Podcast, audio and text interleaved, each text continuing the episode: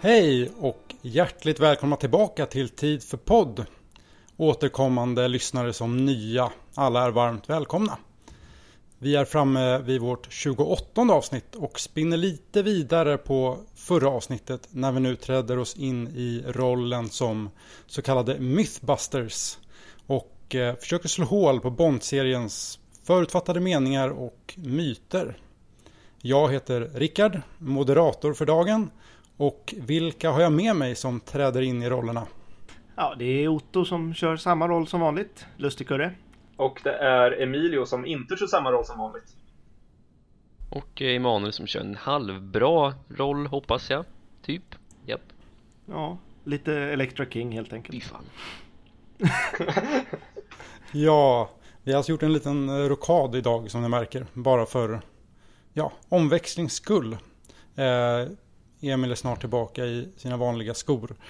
Um, hur, eh, hur står det egentligen till med, med poddgänget? Jo, det står väl eh, bra till, tycker jag. Det är, ehm, jag kan ju bara tala för mig själv, men det står väldigt bra till. Det har, eh, jag har skickat in lite arbetsprover till en skola jag sökt, bland annat, i höst. Och sen så har jag inte gjort så mycket mer. Jag har inte kollat så mycket Bond. Faktiskt. Har varit lugnt på den fronten. Har du vilat dig i form? Ja, det, men det gör jag alltid i och för sig, så det är ingen, inget nytt. Men nej, det har, varit, det har varit lugnt faktiskt. Jag har mått eh, lite som Roger Moore i The Spy Love Me under de senaste två veckorna faktiskt. Väldigt larger than life känner jag. Ja, ja det, har väl, det är lugnt just nu för mig med. Men det har varit jävligt stressigt senaste veckan. Men nu är det skönt. Eh, skönt att kunna komma igång och podda igen. Känns som att man säger det varje gång, men vad länge sedan det var i podden. Kan inte någon bara säga fan vad tråkigt att sitta här nu? Jag orkar inte mer. Jag orkar inte. Det vore jävligt, det vore jävligt befriande om någon bara tar bladet från mun. Ja, prata ärligt för en skull. Ja, kom igen nu Emanuel. Ja. Nej, jag har gått runt och känt mig som Sean Connery de senaste två veckorna så det är jäkligt fint där alltså. Det har hänt mycket Du och jag har haft grejer. riktigt, Ja, vi har varit du riktigt och jag har haft riktigt klassiska bondar i Ja, senaste veckorna. precis. Alltså. Jag har haft Sean Connery Dr. No i mitt huvud nu i två veckor så att med det sagt så är det otroligt fint på alla fronter och eh, det enda som kanske inte är så fint det är min läsning av Raymond Benson men ja, i övrigt är det fint. Ja. You should say maybe. You should say yes. Om vi ska dra de parallellerna så har jag bitvis känt mig lite som Timothy Dalton i License to Kill. Oj då. Jag bara vilja... Oj då. Fan. Kan man må sämre än någon Bond? Fast inte, ja, inte riktigt uh, må dåligt. Jag tänkte, mer på det här att bara, äh, fan nu ska jag bara ut och mörda. Liksom. Vilken del av License to Kill? Jag tänker mig så här i Felix kontor, då mår man ju piss. Då är det typ bara Craig i Quantum of Solace som kan motsvara. Ja, så har vi Dalton i slutet på filmen. Ja, då är han rätt nöjd ändå. Jag skulle säga det ögonblicket när han ber M dra åt helvete. Okej, ja. Okej, ja men det är du ju hela På tiden. repeat i två veckor. ja, exakt. Och du Rickard, Ja, vilken, ja. vilken Bond har du varit? Eh, ja, bra fråga. Jag har ju, jag är ju precis hemkommen från en liten eh, resa till Madrid. Nu har Ah. väl Bond inte varit där, men eh, kanske lite Pierce Brosnan i, eh, i The World Is Not Enough. Oh. Eh, inte för att jag hoppat ut genom något fönster, men Nej. Den är inte bra. eh, jag har fått se spanska poliser och sånt där. Det är Ja, det är fint. Det är alltid trevligt. Upplevelse. Ah, Brella Puerta. Ja, det är bra alltså. Eh, så att, eh, nej, men så att det, är, det är bra här med.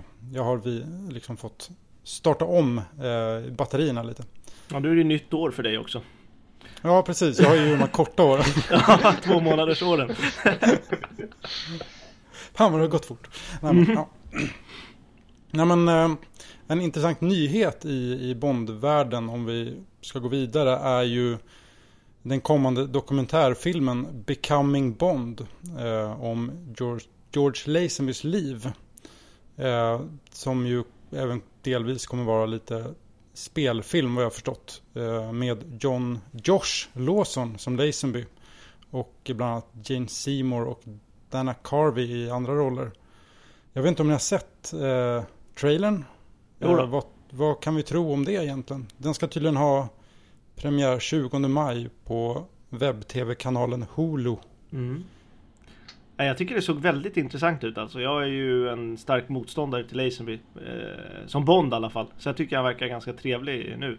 Men eh, ja, jag tycker det ser jätteintressant ut faktiskt. Väldigt, eh, men det är ju en biopic liksom med lite, verkar vara intervjuinslag av Lazenby också. Så jag vet inte riktigt hur de har lagt upp det. Om det bara var för trailern. Men eh, Nej, det är ju ja, väldigt intressant ser det ut att vara. Jag älskar ju den här 60-tals estetiken också. Jag tycker det är, det är väldigt häftigt faktiskt. Men jag älskar också 60-tals estetik. Men det är just den här hybriden mellan en dokumentär och spelfilm som jag känner är lite vansklig. Eh, när jag kollade på trailern kände jag direkt att det här är nog en film som jag inte kommer gilla, men samtidigt det är Lazenby och vad fan säger en trailer egentligen? Så mm. ja, jag vill, även om jag kanske inte blev jätteexalterad av trailern så uh, kommer jag ju ändå garanterat se den och uh, se fram emot den när det väl börjar bli dags. Alltså ja, när jag läste om det här första gången för men, kanske ett år sedan då de annonserade den här dokumentären tänkte jag men det är en berättelse vi har hört tusentals gånger av George Lazenby. Det är inte intressant men sen såg jag trailern och såg att de har gjort någonting annorlunda med det. Så det kan vara bra men det kan också vara svindåligt tror jag. Så jag är, jag är varsamt exalterad om vi säger så. Men den har ju faktiskt blivit jättehyllad när den hade premiär. Den eh, blev hyllad av i princip alla kritiker som såg den. Så att det är ju ja, lite lockande i alla fall, lite lovande. Den, den hade väl eh, biograf, eller vad säger inte biograf, eh, filmfestivalpremiär i, eh, i lördags var det väl. Så lördagen innan den här podden släpps i Austin, Texas. Mm. Ja. Eh, men vi får vänta till maj. Det kändes sjukt oväntat måste jag säga. Om någon hade sagt för ett år sedan att det kommer en dokumentär om Lazenby, hur han blev Bond. Det hade ju inte jag tippat precis. Det är kul att vi får en lite Bond på vita duken i alla fall. Ja, nu efter ett sånt här ja. år så kändes det rätt givet mm. att det kommer en dokumentär om George Lazenby. Nej, jag vet inte. Är... ja, jag ska kolla på den i alla fall. Definitivt. Ja, vi får väl återkomma med mer info när vi vet hur vi kan få tag på den i Sverige. För jag vet inte om... Kan vi, kan vi svenskar se på Hulu? Nej. Den där? Inte nej. dagligt i alla fall. Att, nej. nej. Och vi ska inte uppmuntra något olagligt. Eller? Eller? Eh, så att det kanske blir något eh, poddande om det mm, när vi väl har sett den. Ja, prata lite om den. Det tycker jag absolut att vi ska göra. Och eh, med det så tycker jag vi kan dra igång med det som eh, det här avsnittet faktiskt ska handla om. Det har blivit tid för Bondsk mytologi.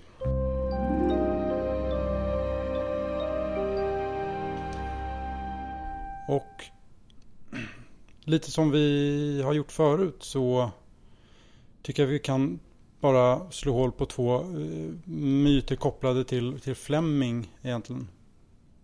Den första är myten om att Fleming gjorde Bond till skotte efter att Sean Connery hade fått rollen. Och det vet, eller har vi väl vi pratat om förut, att det faktiskt är falskt. Ehm, eftersom det finns korrespondensbrev mellan Fleming och en heraldiker redan på sent 50-tal. Då Fleming ville ha detaljer om hur han skulle kunna göra Bond till skotte. Eh, och det hamnade ju sen i boken On Her Majesty's Secret Service. Som sen råkade vara den första boken efter, att, efter Dr. No hade haft premiär. Och det är väl mm, ja, därför myten eh, har uppkommit. Eh, och den andra anledningen som jag själv faktiskt lite har missat förut är att Fleming själv är av skotsk härkomst. Hans farfar var skotte så man kan ju anta att det även finns en eh, gnutta inspiration från Fleming själv. Och det leder väl in på den egentligen den intressanta eh, myten som egentligen finns lite mer att prata om och det är den här eh, myten om att Bond skulle vara en spegling av Fleming själv. För den tycker jag i alla fall att man hör emellanåt, eller hur? Ja, det ja, verkligen. tycker jag absolut att man gör. Och så såg det ju inte Fleming själv. Um, han tyckte inte att Bond hade någon sorts förlaga i, i han själv. Även om det då kom inspiration från Flemings egen tid i underrättelsetjänsten. Um, och många kanske tror att Fleming var någon sorts av agent, tog inspiration från sina egna uppdrag, vilket inte heller är sant. Fleming var väl egentligen en kontorsrotta om man ska vara lite hård.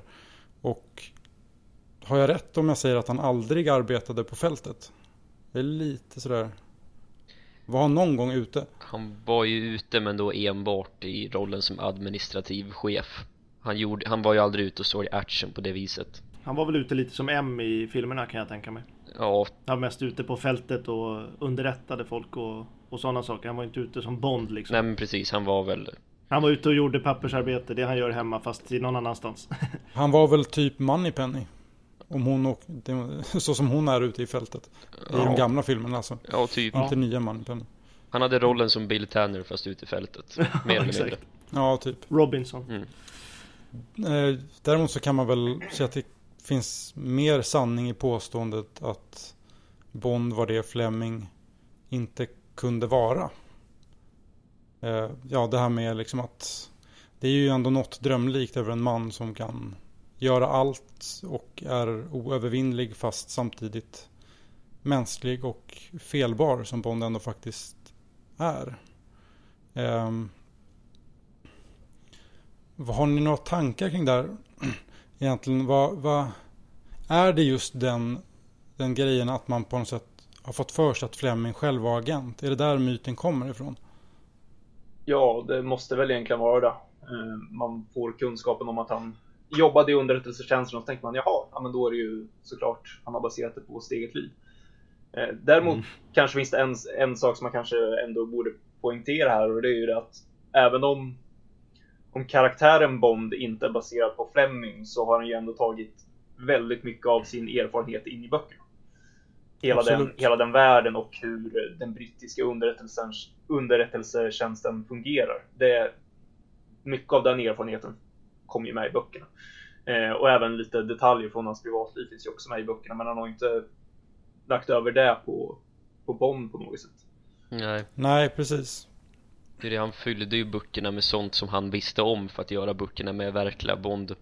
Röker ju cigaretterna som Fleming rökte och han åt det Fleming åt och i vissa fall även kläddes på samma sätt men Bond och Ian Fleming är ju två totalt olika karaktärer med totalt olika karaktärsdrag.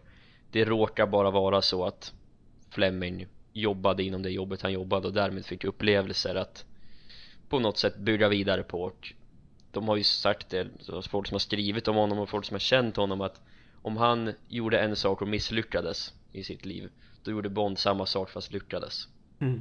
Ja, Ja, så det är mer än någon sorts drömbild liksom. eh, ja, drömbild, precis. Men det är ju en ganska märklig myt egentligen för det är ju Ta en eh, andra författare. De, ofta skriver man ju sånt som man har erfarenhet av. Eh, det, oavsett om det gäller polisromaner eller vad det nu kan vara så om författaren har ett visst yrke och det finns en person med det där yrket i boken så betyder ju inte det att det är samma sak. Jag menar, Mm. Stephen King har ju en författare med i stort sett varenda bok han någonsin har skrivit men han har inte med sig själv i varje bok han någonsin har skrivit. Det är ju, Nej. det är ju jättekonstigt. Ja men det är det, jag, jag tror väl att Fleming pushade sig själv rätt hårt på 50 och framförallt 60-talet att han ville liksom visa upp sig själv på det sättet som folk såg Bond han, Jag tror han marknadsförde sig själv väldigt väl och väldigt tydligt på det sättet att han kanske eller kanske inte upplevde Bonds äventyr. Bara för att det är ju sjukt bra publicitet för det första. Jag menar det finns ju massvis med bilder när han poserar med pistoler och med drinkar och allt möjligt. Så att, jag tror han, han skapade nog den självbilden utåt väldigt medvetet för att på så sätt sälja böcker enklare. För som vi har pratat om tidigare, Fleming han, han skrev ju för pengarnas skull och för populariteten. Och jag tror han älskade att posera på det viset. Eh, det tror jag med. Jag tror att Fleming gärna hade velat vara Bond, kanske. mm. Det tror jag verkligen. Ja, men det är väl, det är väl egentligen inte bara Flemings eh, drömbild egentligen. Det är väl allas drömbild egentligen. Av eh, just den där att ingen kan uppnå det egentligen. Det är ju inte bara Fleming som kunde, inte kunde uppnå det. Utan det var väl egentligen ingen som kan vara som Bond är. Ja, Det är väl det som är en del av fascinationen för oss som har fastnat i det. Men det är ju många som försöker kan jag säga. Ja, jo. Av, på egen, eh, av egen erfarenhet kan jag ju säga.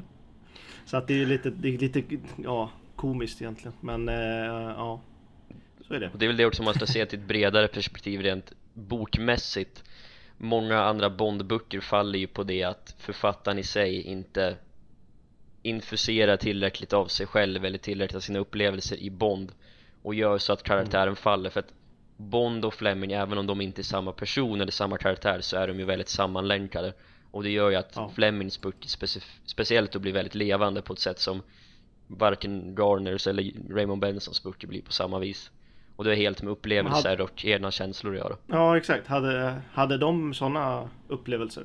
Nej. Alltså Fleming vet jag ju var i underrättelsetjänsten men hade någon av de andra författarna också varit i krigssituation eller i underrättelsetjänsten på det sättet?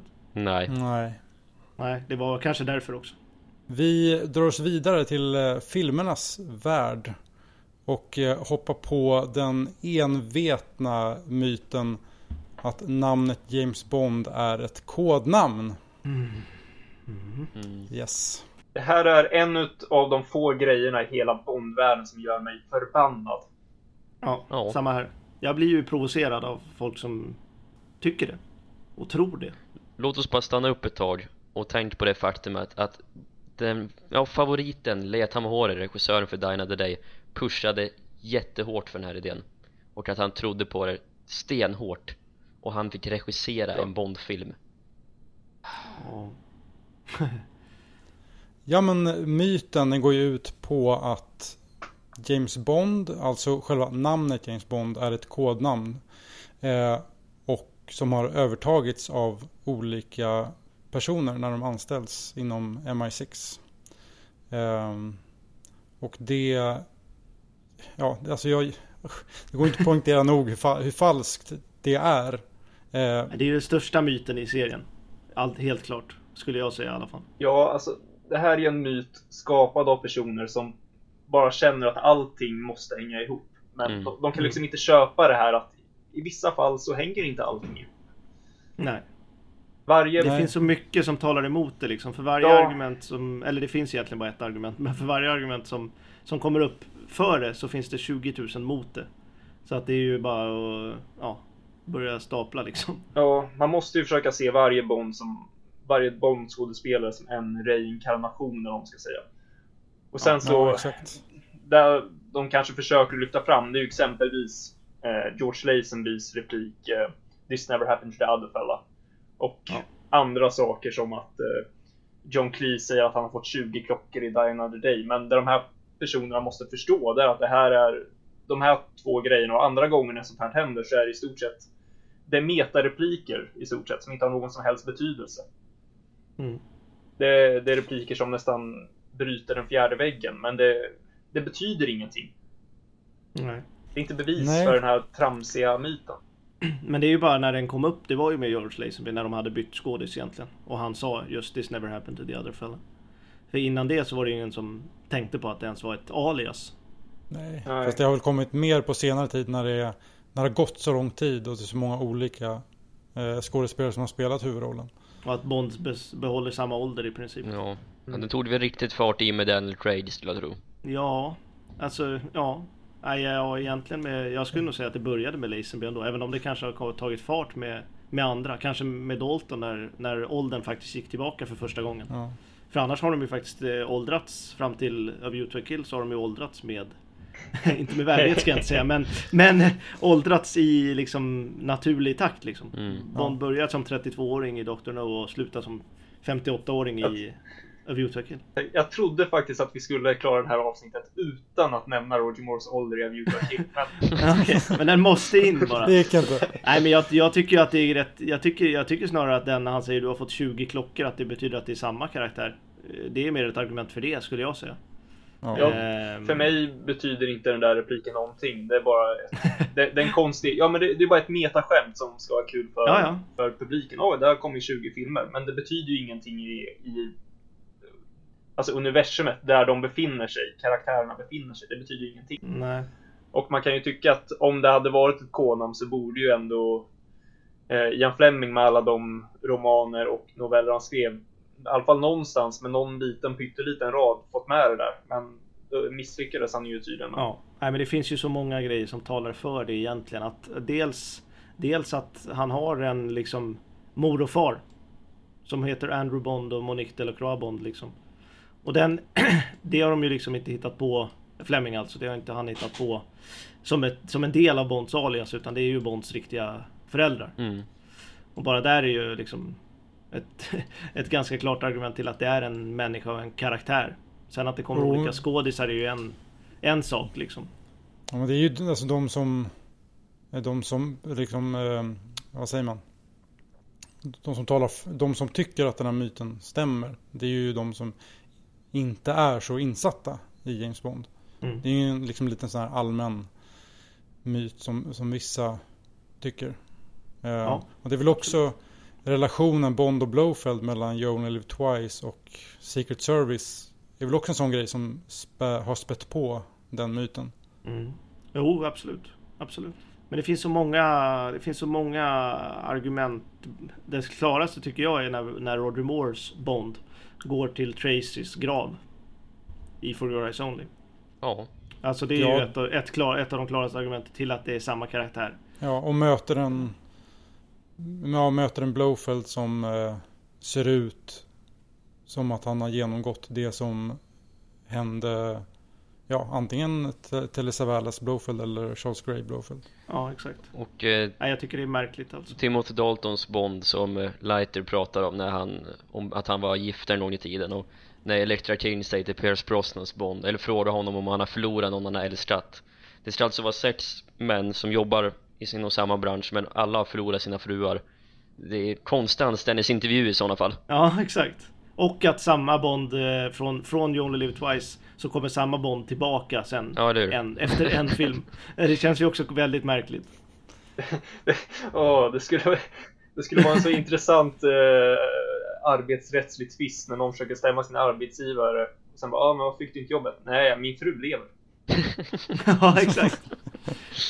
Det är liksom så här, nej, men det är så konstigt. Moore får ju höra det i The Spy Who Loved Me också, Wife Killed Mm. till exempel. Ja, och Och sen får man ju också säga att, Mm. att alla som spelat Bond har ju liksom, de har ganska liknande ansiktsdrag. Mm. Eller över, överhuvudtaget liksom. Och lite i personligheter också, även om de har varit lite annorlunda. Liksom. Mm. Eh, så att varför alla som anställs på MI6 med namnet James Bond måste ha mörkt hår och vara ungefär en viss längd. Det är ju också lite... Ja. Ja, det man kan säga är som det som är ett kodnamn. Nu ska jag inte spä på någonting, men 007 är ju koden han har. Hans agentkod. Ja liksom. räcker inte det? Och det är ju, det är ju en agent. Ja, Så det kan ju vara, det kan ju vara flera olika personer. mm. Om nu James Bond skulle dö, det kommer han ju inte göra. Men om han skulle dö, då blir det ju en ny 007. ja Men då Ja. heter ju inte den James Bond. Då kanske han heter, ja fan vet jag, Sam Smith eller något. Där tror jag Jag bara nog hittar på något namn. men Nej men det, det är ju ett, det är ju ett, eh, liksom ett kod. eh, Ja. En kod. ja, ja, absolut. Där tror jag folk har blandat ihop det lite ja det tror jag. Ja. James Bond 007. Det är ju liksom två olika saker egentligen för mig. Nu har vi dock en grej här när vi pratar om vart det här kommer ifrån Vi har ju faktiskt en film vi inte avhandlat än som heter Casino Royale från 1967 Det är just kodnamnet Herregud. James Bond är en rätt viktig plot Nej. Nej men prata inte om den. Jag trodde att vi åtminstone skulle kunna slippa Casino Royale 67. ja, Vi har Vi av slipper allt liksom inte Moores ålder. Vi har men... Moores ålder, vi har Du har inte läst boken, vi har Leta med håret, vi har Casino Royale 67, vi har allt här nu i den här podden Herregud, Men det är lite, alltså. ja, ska vi gå på den filmen Nej. så tycker jag att det liksom på den plotten är lite rolig att det, att det liksom att vi har aldrig sett den riktiga James Bond på film för att det är David Niven Mm. som har pensionerat sig. Han är den riktiga Bond liksom. Och så kommer Peter Sellers in och är någon sorts Sean Connery-variant. Jag tycker det, det, ja, det hade kunnat vara roligt om det hade gjorts inte kast. Om det inte hade gjorts Du vill- helt enkelt. Så du vill få det till att den riktiga James Bond är typ David Niven eller, eller Ian McKellen eller någon annan som, Ja, bara, sit, exakt. som bara sitter någonstans och trycker med en massa med lejon i sin trädgård. Michael Caine liksom. Har turban på sig och Ja, Alltså, Nej men det är någon liksom nej, det är för dåligt. det är, det är på något sätt en kittlande tanke att det är liksom den riktiga James Bond är inte i filmserien utan han existerar på Mm. någon annan plan, på något annat sätt. Ja, han bara är och sen har man valt att göra en, en filmserie om den här karaktären och då får olika skådespelare spela samma karaktär och göra sin egen tolkning på karaktären i den tiden utspelar sig. Men de spelar ju fortfarande samma karaktär. ja. ja det, Det är är, bara att vi har, vi har, aldrig, vi har aldrig sett den riktiga James Bond på film. det är rätt intressant att du tar upp det för att Ian Fleming när han skrev eh, texten för James Bond i slutet av You Only Live Twice Då skriver ju han som att det vore i tidningen The Times. Och där är det ju att James Bond har blivit, nu minns jag inte exakt ord för ord vad han skriver där men att James Bond blev känd via vissa böcker som har getts ut. Eh, Vilket på något sätt anspelas att Bond skulle finnas på riktigt. Och eh, John Pearson som sen skrev den här The Authorized Biography of James Bond han tar ju den meningen och springer iväg med den fullkomligt för där, den boken kretsar runt att han, John Pearson intervjuar den riktiga James Bond som Ian Fleming kände i ungdomen och som sen Ian Fleming baserade hela, sina, hela sin bordserie på. Och då får han träffa och intervjua James Bond om hans liv. Eh, jätteintressant. Det är, ganska, det är, en, det är en rolig idé. Ja men precis, liksom... en intressant idé men det funkar mm. bara för att det är en enskild bok som man kan eller kanske inte vill räkna som kanon så att säga Ja, men jag tycker det blir, en, det blir en väldigt intressant egentligen.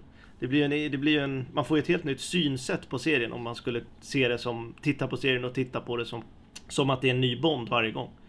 Det blir ju intressant på det sättet men det är inget som jag skulle säga stämmer. Alls. Alltså det är ju sex stycken olika skådespelare som har tolkat samma karaktär i olika tidsander Som Emil sa där i början av diskussionen, det är ju olika reinkarnationer av samma grund helt enkelt. Som råkar vara i ja men över fem decennier. Och det är inte så konstigt det, är ju som, det var ju som vi sa i sammanfattningsavsnittet.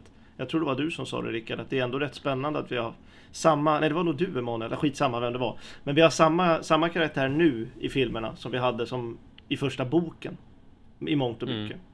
Och det är ju bara mm. ett exempel på att det är samma karaktär Vilket jag tycker är imponerande det är ju bara att släppa kontinuitet för det ja. finns inte i Bond. Det har liksom Nej, men... aldrig funnits. Det har, inte, det har inte varit intressant. Nej, det är bara att kolla på alla serier där det är liksom nya skådisar. Batman. Mm. Vi har Spiderman. Det, är ju liksom, det, det, finns ju inte flera Spiderman. Spiderman är Spiderman liksom och Batman ja. är Batman. Alltså jag, jag kan skriva ihop en en fan-teori om att Ice Age hänger ihop med Schindler's list eller vad fan som helst. Eller, det, det, betyder ingenting. Gör det snälla, gör det snälla, jag ber dig. Ice Age Sid håller på med, vad heter han? Eh, åh, Liam... Oh, nej, han... inte Oscar Schindler. Det, vad heter han? Eh, Ralph Fiennes karaktär. Jaha, ja. Amon Göt, han eh, riktiga svinet. Det vore väldigt intressant att se mammuten med... Nej, fy fan alltså. Oh. Ice Age, the rise of the third Reich liksom. Ja. Nej, men då vi, eh, vi sätter stämpeln busted på den myten. Men det visste vi ju på förhand. Mm. Ja, helt klart. Jag förstår inte riktigt. Vi slänger den. Ja. ja, vi slänger den i soptunnan och så hoppar vi över till George Lazenby. Eh, vi, vi slänger honom i soptunnan också, så går vi vidare. Exakt. Får vi, se, får vi se om den här myten, på vilket sätt den dyker upp i den där dokumentärfilmen. Och det är ju att han skulle ha blivit sparkad. Och det är ju en, en, en falsk myt också. Eh, eftersom Leisen blev erbjuden ett sju filmskontrakt. Som han självmant eh, tackade nej till. Med upprådan från sin, eh, ja, var en agent. Mm. Den Någon rådgivare i alla fall var det. Ja, precis. Eh, man tyckte, båda de tyckte att Bond var en 60-talsgrej. Och det skulle ju snart vara 70-tal och då skulle det inte vara så bra för Lazenby att sitta fast i ett kontrakt till en mossig död filmserie. Eh, lite fel ja. val kan man ju kan man säga. Ja. Nej, men den här myten är väl egentligen att, att eh, filmen Secret Service gick dåligt och att det var därför man sparkade Lazenby. Um, varför tror ni att... Ja, om vi säger så här. Var kommer den här generella myten ifrån eh, som fortfarande råder bland liksom, ja, allmän publik? Att Secret Service är en dålig film? Det är helt och hållet medias förtjänst från den tiden. Ja, jag tror det. Jag tror det. För den fick väl, så som jag ändå förstått, ganska hyfsat bra recensioner när den släpptes på bio? Ja, varken eller? bättre eller sämre än tidigare Bondfilmer. Myt, ja, exakt. Myten, myten kommer väl lite från eh Ja, att det, det är Lazenbys enda film. Uh, ja. Och då... Man tänker att han är dålig liksom. Ja, exakt. Han är dålig. Han fick sparken. Och sen han fick sparken. ja, exakt. Och därmed var filmen säkert ingen bra heller. Nej, men det är ju lite så. De, de två föder ju varann, eller när varann lite grann tycker jag. Just att är det liksom, folk tänker ja men han gjorde bara en, den är dålig. Varför fick han inte göra en till? Ja, han fick säkert sparken. Det är typ ja. så jag tror. Eftersom de tog tillbaka Connery också så kanske de tror det ännu mer eftersom de sparkar honom och tar tillbaka Connery direkt. Liksom. Tror Mm. folk. Och det är ju en ganska, Ja, det är jag- också en väldigt vedertagen myt skulle jag säga. Jag tror egentligen att det inte hade spelat någon roll om Connery kom tillbaka eller om Roger Moore dök upp direkt. Jag tror ändå det hade Nej, spett på det med att ah, men då var väl säkert inte Lazenby någon bra och filmen var kass. Mm. nej, nej, såklart. Att det just var en film bara, det var väl Ja. det som var stora grejen. Men jag vet inte, det, det är intressant. Vi har ju en, eh, en, ett avsnitt som kommer längre fram, eh, What If-podden. Då kommer vi väl prata mer om just det, men vem vet om det hade blivit mossigt med, med Moore. Eh, Eller med Moore, med Lazenby ska jag säga. Det blev ju mossigt Ja, med Moore. Men eh, Man vet, ju, man vet ju inte hur det hade blivit om man hade stannat kvar. nej, sju att, eh, filmer med Lazenby kanske hade kört serien i graven. Vem vet? Man har faktiskt, ja exakt. Det är ju, Jävligt svårt att veta. Så han, Ja. Som det blev så var det ju ganska bra att han tackade nej ändå, för seriens skull. Men för Lazenbys skull så var det ju ett helvetesdrag liksom. ja. Så att nej, det var ju, ja, kan det, det är ett av filmhistoriens dummaste val kan jag ju tycka. Ja, Det måste nästan vara etta på listan. Ja, ja det är väl kan- någon som har... Jag kan komma på Ja. ett som är sämre. Fast det har ju inte med Bond att göra. Nej, nej. Men det är ju att eh, Fox gav eh, i stort sett alla rättigheter till eh, Star Wars till George Lucas som blev miljardär på kuppen och Fox tjänade ju absolut inte speciellt mycket pengar på hela Star Wars-succén. nej. ja den är nog. Och Det är sen också... Connery tackade nej till eh, Gandalf också. Det kan man ju tycka var lite märkligt faktiskt. Han förstod inte handlingen men valde istället att vara med i The Leader of Extraordinary Gentlemen. Som gjorde att han gick i Han pension. gick i pension i förtid. Blev en sur gubbe liksom. Nej men eh, alltså det är ju, jag vet inte. Det, och han ville ju inte åka till Nya Zeeland typ under sex månader. Vilket jag faktiskt kan förstå om man ska vara borta så länge när man är gammal liksom. Men eh, att man inte förstod handlingen känns lite märkligt. Han, är ändå, han har ändå varit skådis länge liksom. Känns väldigt typiskt Ja. Connery att inte förstå handlingen.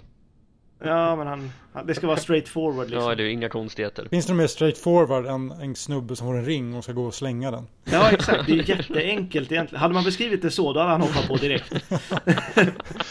Ja, shit. Vad fan, det hade varit så jävla coolt att se Sean Connery spela mot Christopher Lee liksom. Ja. Fatta vad episkt det är. Nu säger jag inte någonting ont om Ian McKellen, jag tycker han är perfekt som Gandalf. Men det, jag hade kunnat köpt Connery som Gandalf, faktiskt. Det hade varit underbart. Ja. Det är liksom lite synd att Sean Connery inte får ha blivit den här... Legolas.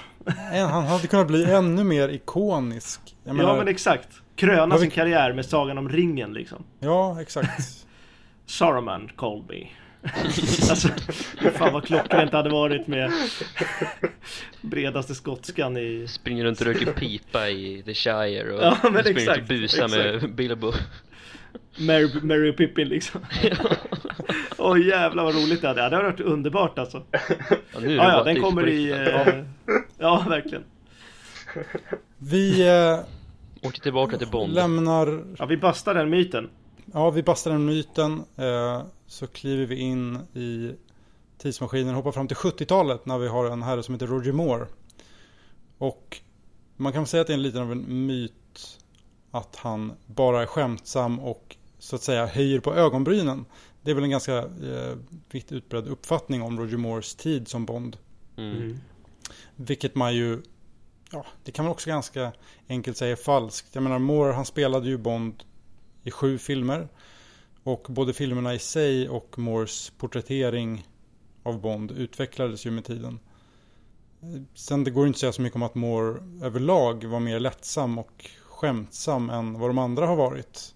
Mm. Men det betyder ju inte heller att alla hans filmer helt genomsyrades av, av det. För det Nej, jag skulle ändå ju- säga att det är... Jag skulle ändå säga att den är mest sann av de vi har gått igenom hittills i alla fall. Alltså, För det finns ändå ett uns av sanning i det, att han är... Ja, Så men det är inte liksom. så, det är inte så enkelt, enkelriktat i alla fall. Nej, nej, exakt. Alla, alla liksom minuter i filmen är han ju inte en skojare, men majoriteten av tiden skulle jag säga att han är rätt humoristisk faktiskt. Men stopp och belägg här. Eh, alltså, att han bara skämtar och höjer på ögonbrynen, det är givetvis falskt. Sen vet inte jag om det, jag håller på med en massa semantiskt trams här nu. Men jag skulle inte säga att det är en myt, det är ju snarare en stereotyp. Ja. För, och de finns ju bland alla bonderna. Om, om, Mm. eh, om, Moore, om man gör någon parodi någonting på Moore så är det att han bara skämtar och höjer på ögonbrynen. Ja, alla gånger Connery parodiseras så är det ju två saker som alltid är med. Det är extremt bred skotska och överdriven sexism. Och Ja. Dalton och Craig har den här stereotypen att de bara går runt och surar hela tiden. Mm. Ja. Så Brosnan jag, går runt och kisar med ögonen. ja, ja, ex- ja. Nej, men det är ju mycket squint. myt, stereotyp. Jag, jag kan tycka att det är en viss skillnad där. Sen kanske de är så pass lika så att man kallar det för en myt. Och den myten är i så fall inte sann. Det är intressant är att du, det du tar upp där med Sean Connery. Att man också har någon bild av hur Sean Connery var som Bond. När det egentligen är liksom ljusår även mellan hans första och sista film. Ja, verkligen. Ja. Eh, Ja, och det finns jo. väl ingen, ingen av eh, skådespelarna har väl... Det är ju ingen som har gjort Bond exakt likadant varje gång. Förutom George Lazenby. George Lazenby. Ja, Brosnan kanske. Ja. Jag tycker ändå han har varit rätt lika i alla sina filmer. Mer eller mindre. Han har spelat Pierce Brosnan liksom. Mm. Det är ju filmerna som har förändrats, bara blivit sämre och sämre men Brosnan har ju spelat Brosnan hela tiden. Ja, där kan jag hålla med. Brosnan är nog den som har haft den, den mest linjära tolkningen om man säger så. ja verkligen, verkligen. Men det tycker jag är intressant det där om, om bara om vi ska ta det Sean Connery till exempel Han pratar ju aldrig skotska på det viset i, som Bond Det är väl möjligtvis i Diamonds of Forever men det är ju inte så utbrett som populär, ja men allmänheten vill framställa det som Är det en film Ja, av sex? ja men liksom? precis Och där är det inte mycket ändå. Det är ju värre i Never Say Never Again i sådana fall men den vill vi inte prata om Klaus Högersheimer, G-section.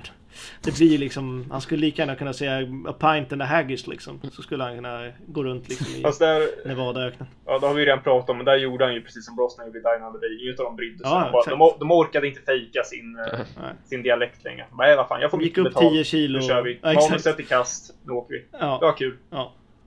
Ja, hade de så jävla roligt? Conrad säkert jävligt roligt. Ja, det tror jag. Spela Nej. golf i moonsetten där i, Diamonds of Forever. Ligga med Jill St. John Ja, I'm on top of the situation. alltså. Ja, han hade nog rätt kul tror jag. Det är sant i Jag tror. Connery alltid har roligt Nej, det tror jag inte men. Jag tror han tycker själv att han är jävligt roligt i alla fall Ja, shit. Jag Nej, tror men, eh, inte om- inspelning av Never Say Never Again var speciellt kul. Om vi ska Nej i och för sig den. Nej.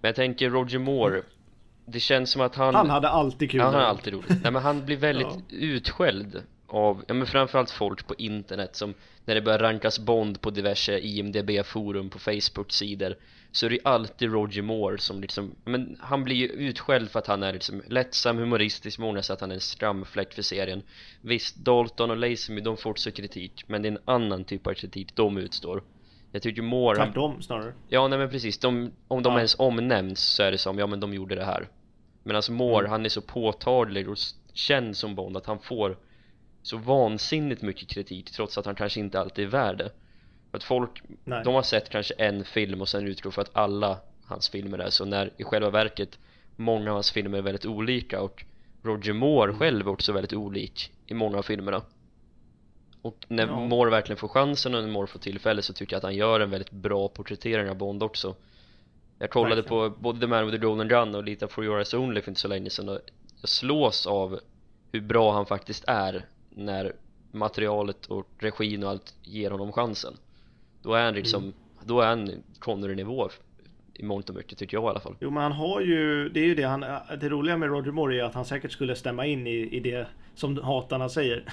För han har ju extremt mycket självdistans liksom. Mm. Så han skulle säkert skoja till det och säga jo men jag var sämst. Ja. Ja, och det är det som har spett på det lite jo men absolut, absolut. Hade han stått på sig mer så hade han nog fått fler roller också säkert i, i filmvärlden tror jag. Men eh, jag tycker ju, jag tycker ju att han är eh, ja, nästan en av de sämsta i alla fall som Bond. Men det är inte för att han är eh, en skojare så. Det är bara att han, jag tycker han är minst tro, trovärdig som agent och som Bond. Sen om man ska ranka hur viktig han har varit för serien och en sån ranking så ligger han ju långt ifrån botten. Då är han ju nästan ja, en av de högsta. Mm. Så att det, man får ju skilja lite, jag skiljer i alla fall på det. Att han är kanske inte den bästa Bond men en av de viktigaste Bondarna. Lätt. Det tycker jag. För mig så har de bara en så otroligt dålig hitrate. Du nämner två filmer, jag håller med, han är fantastiskt bra i dem.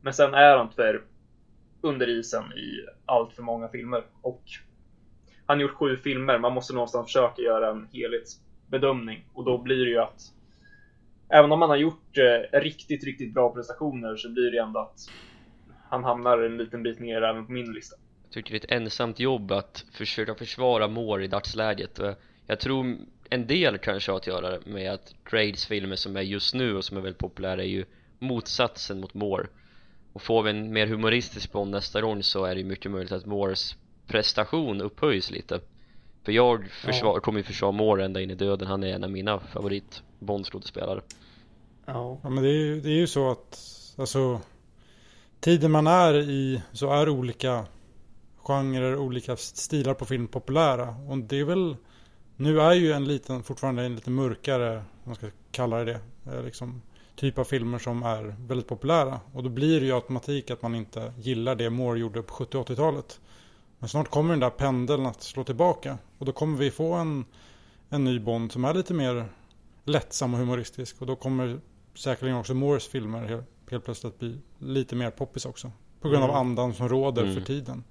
Ja, nej, men jag tycker ju att anledningen till att jag inte gillar just hans prestation är väl just att han inte är så trovärdig. Jag tycker han är extremt underhållande. Jag har nästan, alltså som jag sa i tidigare poddavsnitt, att en av de filmer jag slår på mest är Älskade spion. Som jag bara tycker är extremt underhållande, välgjord och bra och Moore är jättebra i den. Men som Emil säger så är han ju, jag vet inte, han, väldigt icke trovärdig i de flesta av filmerna. Han är väldigt är bra. Han är väldigt bra när han är Bond. Tyvärr så är han Bond alldeles för sällan. Exakt. Det är vissa scener i The Man with Golden Gun till exempel. Ja. Som är väldigt bra. Ja, Golden Gun är, är. Golden Gun tycker jag han är fantastisk i. Live är ju samma väldigt sak bra. där. Men... Mm, mm. Sen kom Men ju allt... Allt... Kill och Moonraker. ja, när tiden gick så blev det mer Roger Moore och mindre James Bond. Och ja. ja, som sagt, man får göra en helhetsbedömning. Jag tycker han är fantastisk bitvis, men mm lite sämre ibland. Jag säger det här och det får stå för Emil. ja. ja. Nej men vi... Eh, vi hoppar in i... Vad kan vi hoppa in i nu? En eh, ismaskin. en ismaskin? Den där pipelinen i The Living Daylight. Ja, precis. Borst, cake, pig. Och den här myten om att License to Kill och Timothy Dalton på något sätt dödade Bond-serien.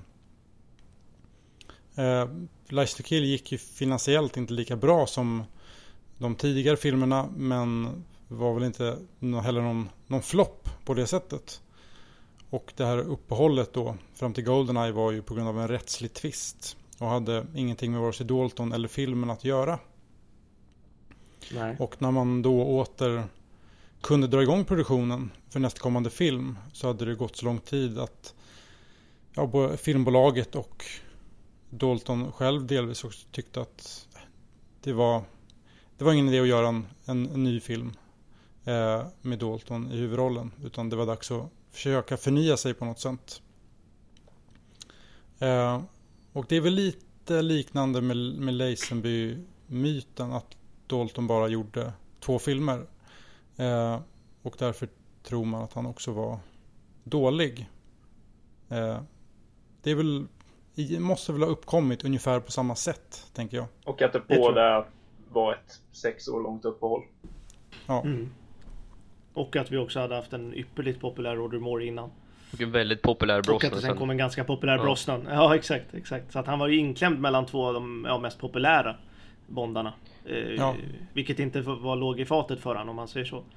Men eh, han känns ju potentiellt som om någon skulle kunna döda Bond-karaktären. Alltså om Dalton spelade någon annan så känns det som att han skulle kunna döda Bond. För han har ju det farliga över sig. om man tänker så. Jag tycker att... Timothy Dalton dödade Bond, sköt ja, exakt. ryggen. Ja, exakt. exakt. Men att hela... Att Dalton inte dödade Bond, det är vi liksom på det klara med. Men om man tar på andra sidan av myntet här som vi var inne och tittade lite på och sneglade på så skulle jag vilja ta upp lite om det i alla fall. Och det blir ju det att andra sidan är att Brosnan räddade Bond, eller återupplivade Bond. Och jag kan väl tycka att den Pierce Brosnan i sig kanske inte var den jättestora grejen frälsaren. med att frälsaren och kanske inte heller att kanske inte heller var just själva filmen Goldeneye heller som var den stora frälsaren. Jag tror att det hade blivit en enorm succé om första filmen hade hetat Tomorrow Never Dies och spelats av någon annan. Sam Neill liksom. Ja, Sam Neill. Jag tror att det ja. hade blivit en succé ändå. Så Mm. den andra sidan på myntet tycker jag också är lite... Mm. Man kan väl eh, ifrågasätta den sidan med kan jag tycka. Ja, för det är ju det här institutionsgrejen vi har pratat om. Alltså det, det måste ju finnas, funnits liksom en längtan efter Bond på något sätt. Och när det väl då kommer en ny Bondfilm efter sex år så är folk sjukt taggade.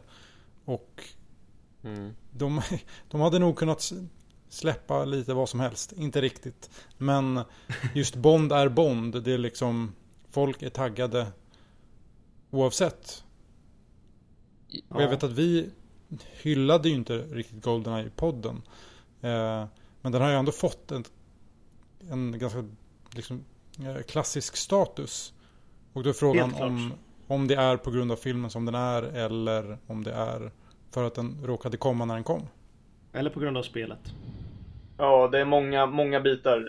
Den kom när den kom. Det hjälptes givetvis av spelet, men spelet kom ju ett par år efter filmen. Men det hjälptes Ja. definitivt att den fått den kultstatusen kanske tio år efter.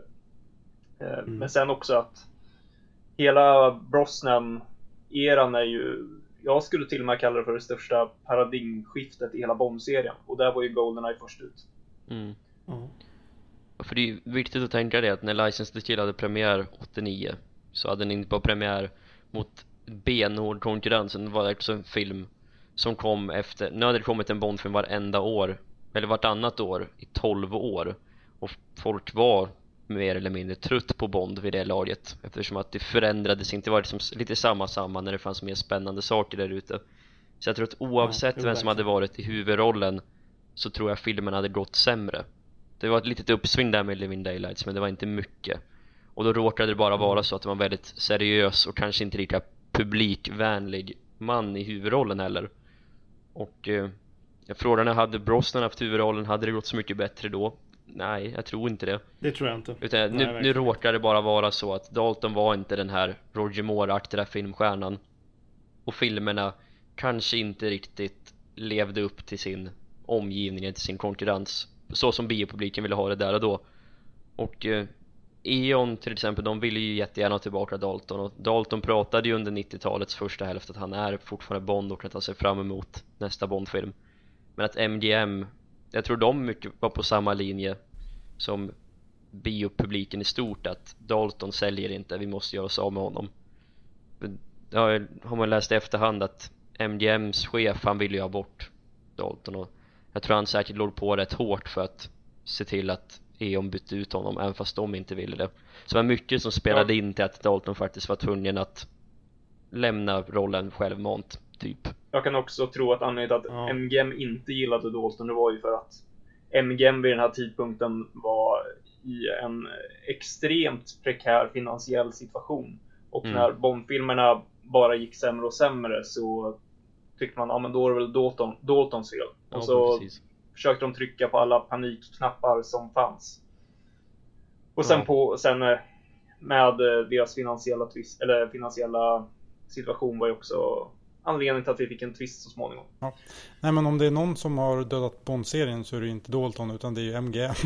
Ja. Ja, I alla fall har stopp, bromsat Bond-serien ett antal gånger. Ja. Jävla idioter.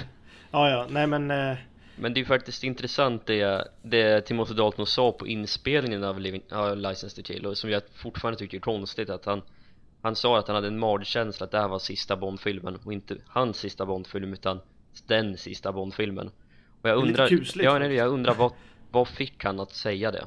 Hade han inget förtroende i filmen han själv marknadsförde eller vad var det som låg bakom märkligt. det?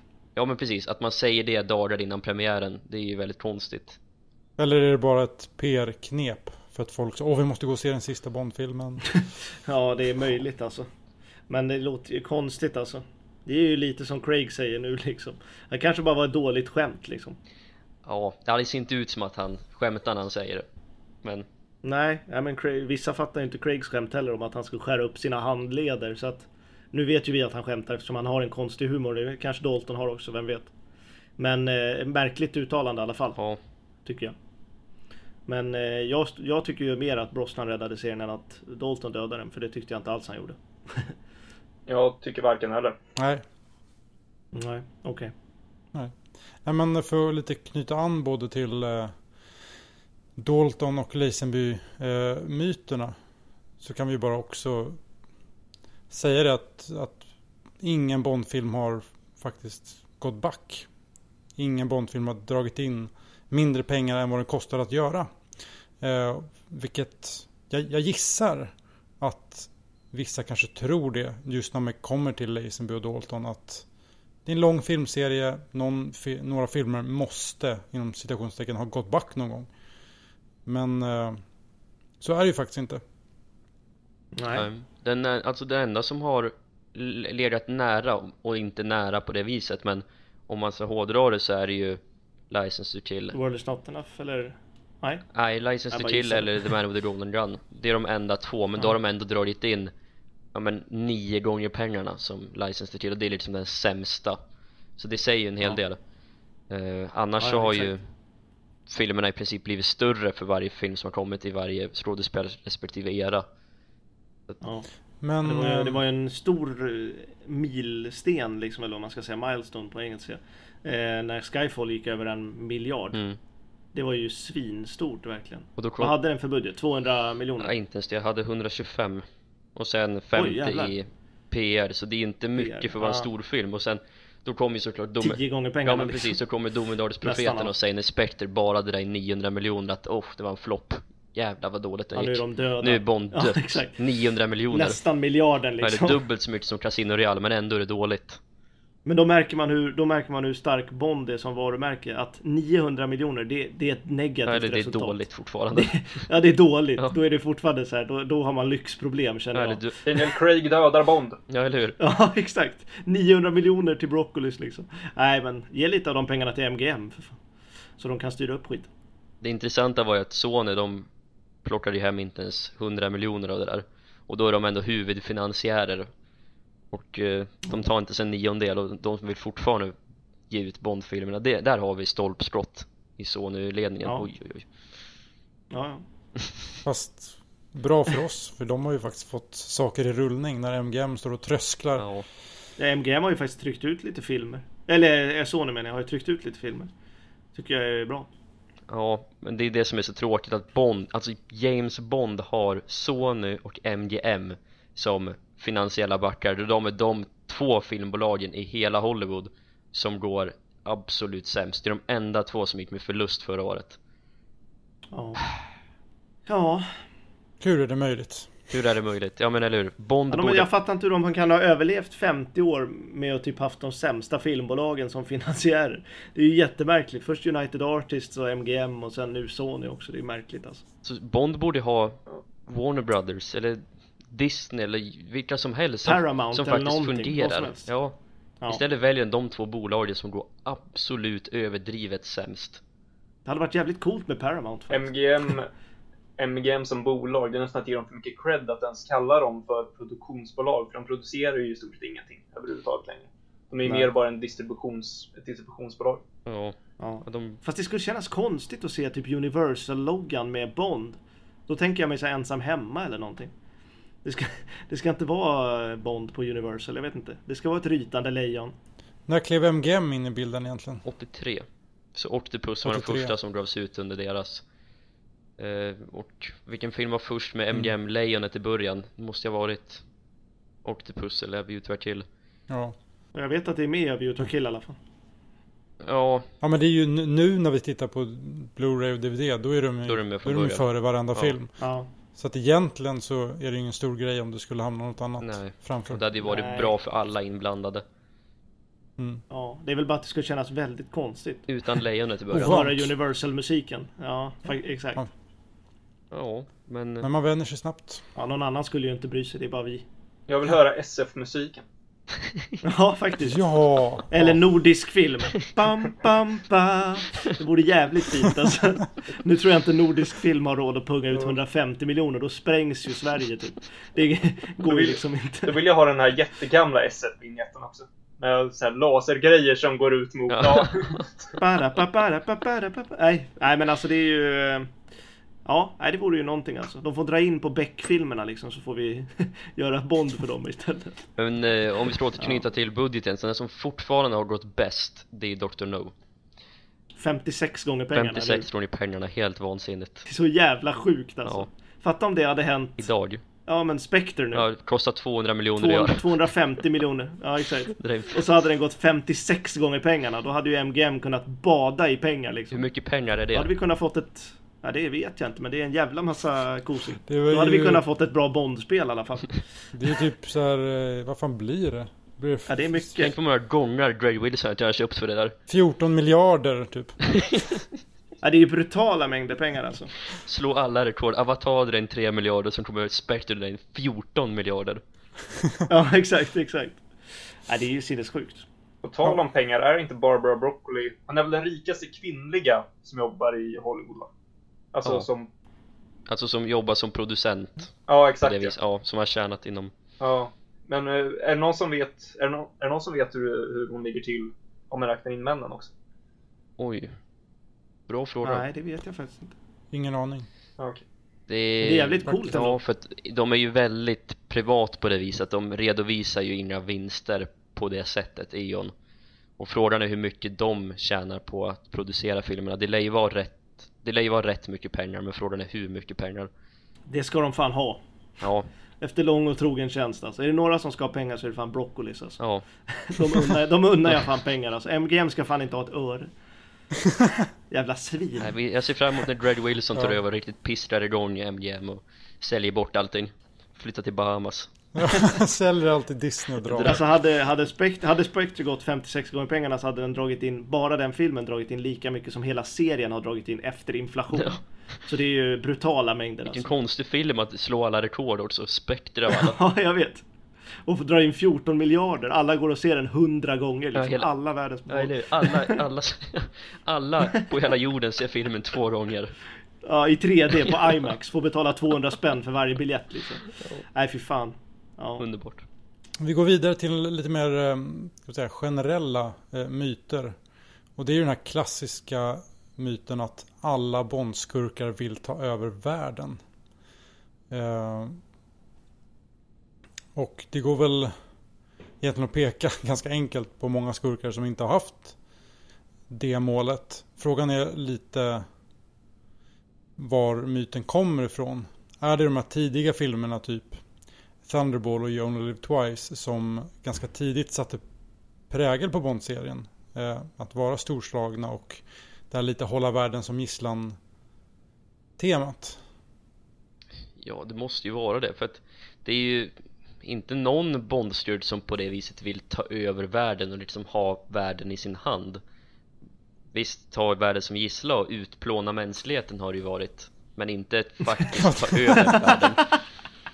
Så jäkla bra sagt. Det finns ju ingen som visst utplånar världen och så. Det låter som en söndagsaktivitet typ när du sa det. ja, fortsätt. fortsätt. Ja, nej men eh, den vi kommer närmast det är ju Hugo Drax i Moonraker och, och Carl Stromberg i Spy Love Me men i övrigt så har det ju varit mest ekonomiska mål och sådär som att de det känns som, är det någon som Ja. associerar att det skurkar till världen så är det ju Bond-serien Det är ju som ingen annan film eller ti- tidningsserie eller whatever där det är så starkt associerat med att ta över Nej. världen Nej. Älskling, jag ska bara ut med soporna. Glöm inte att ta över världen sen också. Låter liksom, ja. Nej men det är Stromberg, Stromberg och Drax definitivt. Eh, det har väl egentligen varit, det har väl egentligen varit liksom i alla fall, ja kanske inte en skurk per årtionde men i alla fall under en liksom med jämna mellanrum kommit en skurk som har lite, ja ganska stor megal, megalomani eller vad det heter. mm. Eh, storhetsvansinne liksom. Och de har ju varvat varandra liksom lite grann. Det är väl därifrån det har matats på. Att det inte bara var på 60-talet utan det kom på 70-talet också och 90-talet. Och... Ja, och i de filmerna där de här skurkarna figurerat, de filmerna har ju alltid blivit megasuccéer. De har ju sett så Ja, många verkligen. människor troligtvis, så att det är väl på så sätt fastnat. Där är till exempel License to Kill med en väldigt mycket mer nedtonad skurk, så är, den filmen gick ju inte lika bra så att... Nej precis. Alltså, jag fick, jag fick upp en så rolig bild i huvudet bara. Så här, det är typ ett eh, eh, anonyma alkoholister-möte med Bond-skurkar. Så här, ett hörn sitter eh, Hu- Hugo Drax. Vad vill du göra Hugo? Nej, jag vill bara utplåna hela världen. Ja, men du då? Du då Blowfelt? Nej, jag vill hålla hela världen som gist- gisslan. Och du då The Chief? Nej, jag gillar poker. Ja exakt. exakt. Ja, men det är lite så liksom. Det är ju de här lite minimalistiska skurkarna kan ju sitta i ett hörn liksom. Ja. Verkligen. Men det är också en av anledningarna varför, varför vissa tror också att alla Bondfilmer är likadana. Det är klart det finns mycket som spär på den, de, den, den, den myten, om man ska kalla det för. Eh, va, varför tror folk det, att alla Bondfilmer är likadana? Det är ju, många Bondfilmer är ju förvisso väldigt Likadana. liknande. Det Ja. är ju en del av konceptet. Ja, och är jo. väl också det som har fått serien att funka. Ja. Det är av exakt Mm. samma anledning som det finns folk som säger att all heavy metal lå- låter likadant, all punk låter likadant. Gillar man inte någonting så då sätter man, in, sätter man inte in sig i och ser skillnad. Nej, så är det ju. Definitivt. Det där var fint sagt Emil. Jag gillar Ja, det. verkligen. Verkligen. Ja, det är ju enklare att generalisera än vad det är att faktiskt ta reda på saker. Ja, jo, verkligen. Jo, men så är det ju. Så är det ju. Alla stockholmare är dryga till exempel. Det vet ju vi att det, det stämmer visserligen, men Ja. ändå. Det, är- det är ju liksom... Nej, det är ju Mm. skämt åsido. Vi är jättetrevliga. Men eh, det, det är liksom, det är ju som sagt det är lättare att dra alla över en kammen och faktiskt titta på spe, specifika, specifika grejer. Så har det väl alltid varit egentligen. Mm. Och Bond är ju inte undantaget. Undantagen skulle jag säga. ja, och då kan vi gå vidare till Bonds eh, kvinnliga motspelare. Och den här myten om att alla Bondbrudar skulle ha ett suggestivt, suggestivt sexanspelande namn. Eh, och det är ju också väl en del av konceptet som har sålts in. Men som när man ändå faktiskt tittar på det så är det ju inte så jättemånga som har haft det ändå. Nej. Och det är, är det också, om vi ska säga att något är enkelt, vi kanske inte är så enkelt. Men Honey Rider och Pussy Galore gjorde ju liksom snabbt ganska stort avtryck i filmvärlden. Ja. Och då skapade man den myten att det är så. Ja, jo men så kan det nog. Det kan nog stämma.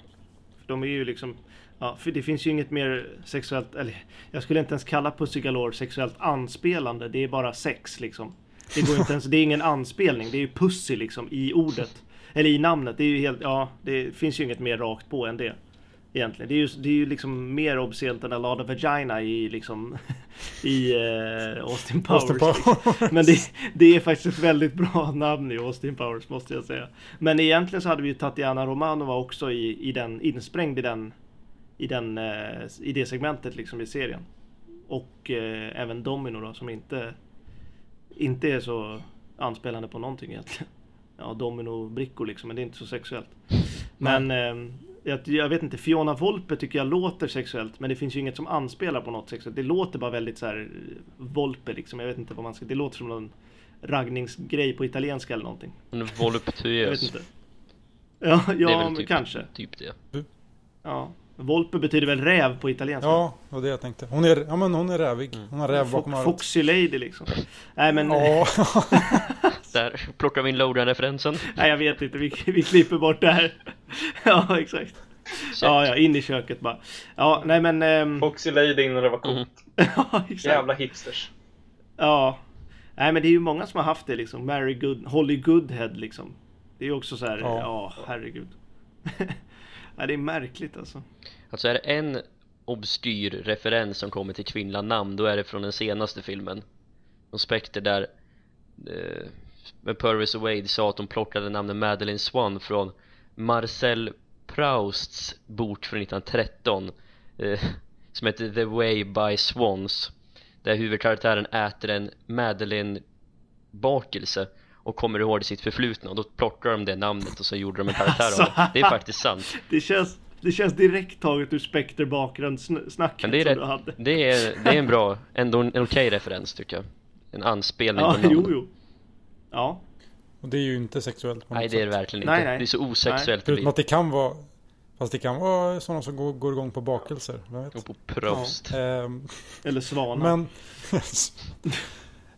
Ehm, Så har vi en, ja, men intressant eh, fråga som jag faktiskt ska ge cred till eh, Emil för. Ehm, kan även kvinnonamnen, de här sexuella kvinnonamnen, eh, ha en koppling till hur allmänheten uppfattar Bonds syn på kvinnor? efter som att det var jag som fick cred för frågan så eh, kan väl jag inleda med att svara på den kanske. Mm. Eh, och det är väl att jag tror att, jag tror, i alla fall i Sverige så tror jag inte det. För att jag, jag tror mer att det är på grund av handlingarna. Jag tror inte att svenskar generellt sett, även om vi vill ge oss cred för det, har varit tillräckligt bra på engelska för att fatta de lite snuskiga referenserna i namnet. Jag tror mer bara att vi har tagit dem för namn. Kanske att det har haft lite i den engelsktalande världen, men jag tror fortfarande att den är marginell. Jag tror mer att det handlar om att Bond Bonds aktioner som har byggt på det. Mm. Men det, Ja, det, var, det, var, det var jag tror. I Sverige så tror jag att det är icke-existerande. Men Ja, det tror jag också. Mm. möjligtvis att det kan ha någon effekt i, i den anglo, anglosaxiska världen. Men ja, Ja, jag, jag tror att vi kan väl vara överens att det är egentligen grejen att det är en ny, ny tjej i varje film som har gett den allmänheten på Mm. den all, ja, men hur Bond upp, liksom behandlar kvinnor. Ja, jo, minst sagt. I de fyra första filmerna framförallt. Ja, men också att han byter Han byter kvinna Jo. hela tiden. Sen kan man väl, om man ska vara helt sådär eh, Titta log, logiskt på Bond-serien, det ska man ju inte göra. Men att, att ha en fling vartannat år är inte jättemycket ändå. Även om han är ju, ja han är en, han är en tjejtjusare.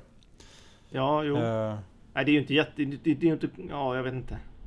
Jag vet inte vad jag skulle säga, men det är ju inte jättekonstigt så liksom. Det finns ju säkert folk som har fler flingar under två år, kan jag ju lugnt säga. ja, någonting du vill dela med dig av? Ja då, vi kan ta det. Vi kan ta det. Hur mycket tid har ni? Ja, det var ju en gång i eh, Tokyo när jag... Nej. nej. men jag och Emanuel. Ja, när jag och en var där. Nej men, eh, nej skämt åsido. Det, ja. jag, har, jag har en fling vart tionde år ungefär. Det funkar bra för mig. Det är lagom. ja, men hade du Nej. något eh, Emanuel? Lät som att du var på G med något. Hade du någon fling? Nej, alltså... Nej, jag har faktiskt ingenting på gång här. Nej. Nej. Alltså. jag orkar inte med du, du, du kom helt fel in på frågan direkt. Nej, jag, jag, jag hade ingenting. Jag har här. ingenting. Det- Ja, men ska vi snacka för så jo men det är på gång där. Där har vi något på gång däremot. Ja, där, där. fina grejer. Eh, Yes, För att citera Lasse Granqvist, det går inte att hålla på. Nej, jag lägger ner. Jag känner mig som Bill Clinton när han står bredvid Boris Jeltsin utanför Vita huset i, eh, när de hade haft möte. Står bara asgarvar. Ja, eh, Rickard, styr upp nu för fan. Ja, nu lägger vi det åt sidan. Och så tänkte jag att vi kunde prata lite om gadgets i dess olika former och varianter. Mm. Och då har vi ju två grejer som man faktiskt förknippar väldigt starkt med Bond i, av en anledning. Det är ju bilar och det är klockor. Och den här myten då som kommer med det är att Bond får en bil och en klocka i varje film. Och det är ju något som egentligen har kommit med de senare filmerna. För om man kollar ehm, hur det egentligen ligger till med det där. Så är det faktiskt så att ehm, Sean Connery fick en bil. Nu pratar, jag, nu pratar vi specialutrustade bilar också. Det är såklart Ja. att Bond har kört bilar i alla filmer. Ehm, eh, så på 60-talet fick Bond en bil. På 70-talet en bil. Och på 80-talet en bil. Mm. Då pratar vi alltså om tre bilar på seriens första 16 filmer. Och därefter så har det ju gått inflation. Um, Brosnan fick ju som vi vet en bil per film och Craig har fått två. Så det är alltså sex bilar på åtta filmer. Och det är väl, ja, det- ja men det, det är ju så enkelt om vi ska säga att det är den senare trenden då, senaste 20 åren, eh, som gett upphov till den myten att Bond måste ha, få en specialbil i varje film. Ja. Och är det egentligen nödvändigt med det? Nej. Nej. Nej, men det är en ökad kommersialisering och då vill de få in Det är ju pengar. Ja. Det är ju Mm. det är lite där det är. Det är, ju, det är ju någonstans, om man ska dra en parallell till fotboll, vilket jag gillar, så kan man ju i stort sett jämföra, alltså om vi ska ta marknadsföringsutrymme, att marknadsföra en bil i en Bondfilm. Det är ungefär som att ha huvudsponsorn på matchtröjan på, en, på, en fot, på ett fotbollslag. Det är liksom prime marknadsföringsspot. Så det är ju, de lär ju få in jäkligt bra med pengar på hela tiden återlansera nya bilar och så vidare. Verkligen. Frågan är, är det positivt för, även för Bond-serien, typ finansiellt, att ha så här mycket produktplaceringar i varje film? Så de har ju tonat ner det Det är inte lika tydligt som det var under Brosnans era till exempel men Jag personligen är väl inte en jättestor proponent för just specialutrustade bilar och jag ser gärna en minskning av deras framträdande i Bond-serien rent generellt Ja, problemet är väl är just där att när det, när det är just känslan av att nu får han en bil bara för att. Vilket det har hänt, ja, Brosnan många gånger. Eh, Ja. Att bilen sen inte e- egentligen utnyttjas på något ordentligt sätt. Och det var ju för att BMW kom där med en jätte, jättestor eh, kasse sopsäck med pengar. Ett helt, ett helt jäkla fartyg med pengar och bara lassade på dem. Och då, ja. Det, Ja. det, det är egentligen inte svårare än så. Jag tycker inte heller att det är nödvändigt. Jag tycker att de någonstans borde försöka och se sig själva i spegeln och fundera på vad det är de håller på med. Ja. Ja, precis. Vill man, vill man, vill man berätta en berättelse som handlar om Bond?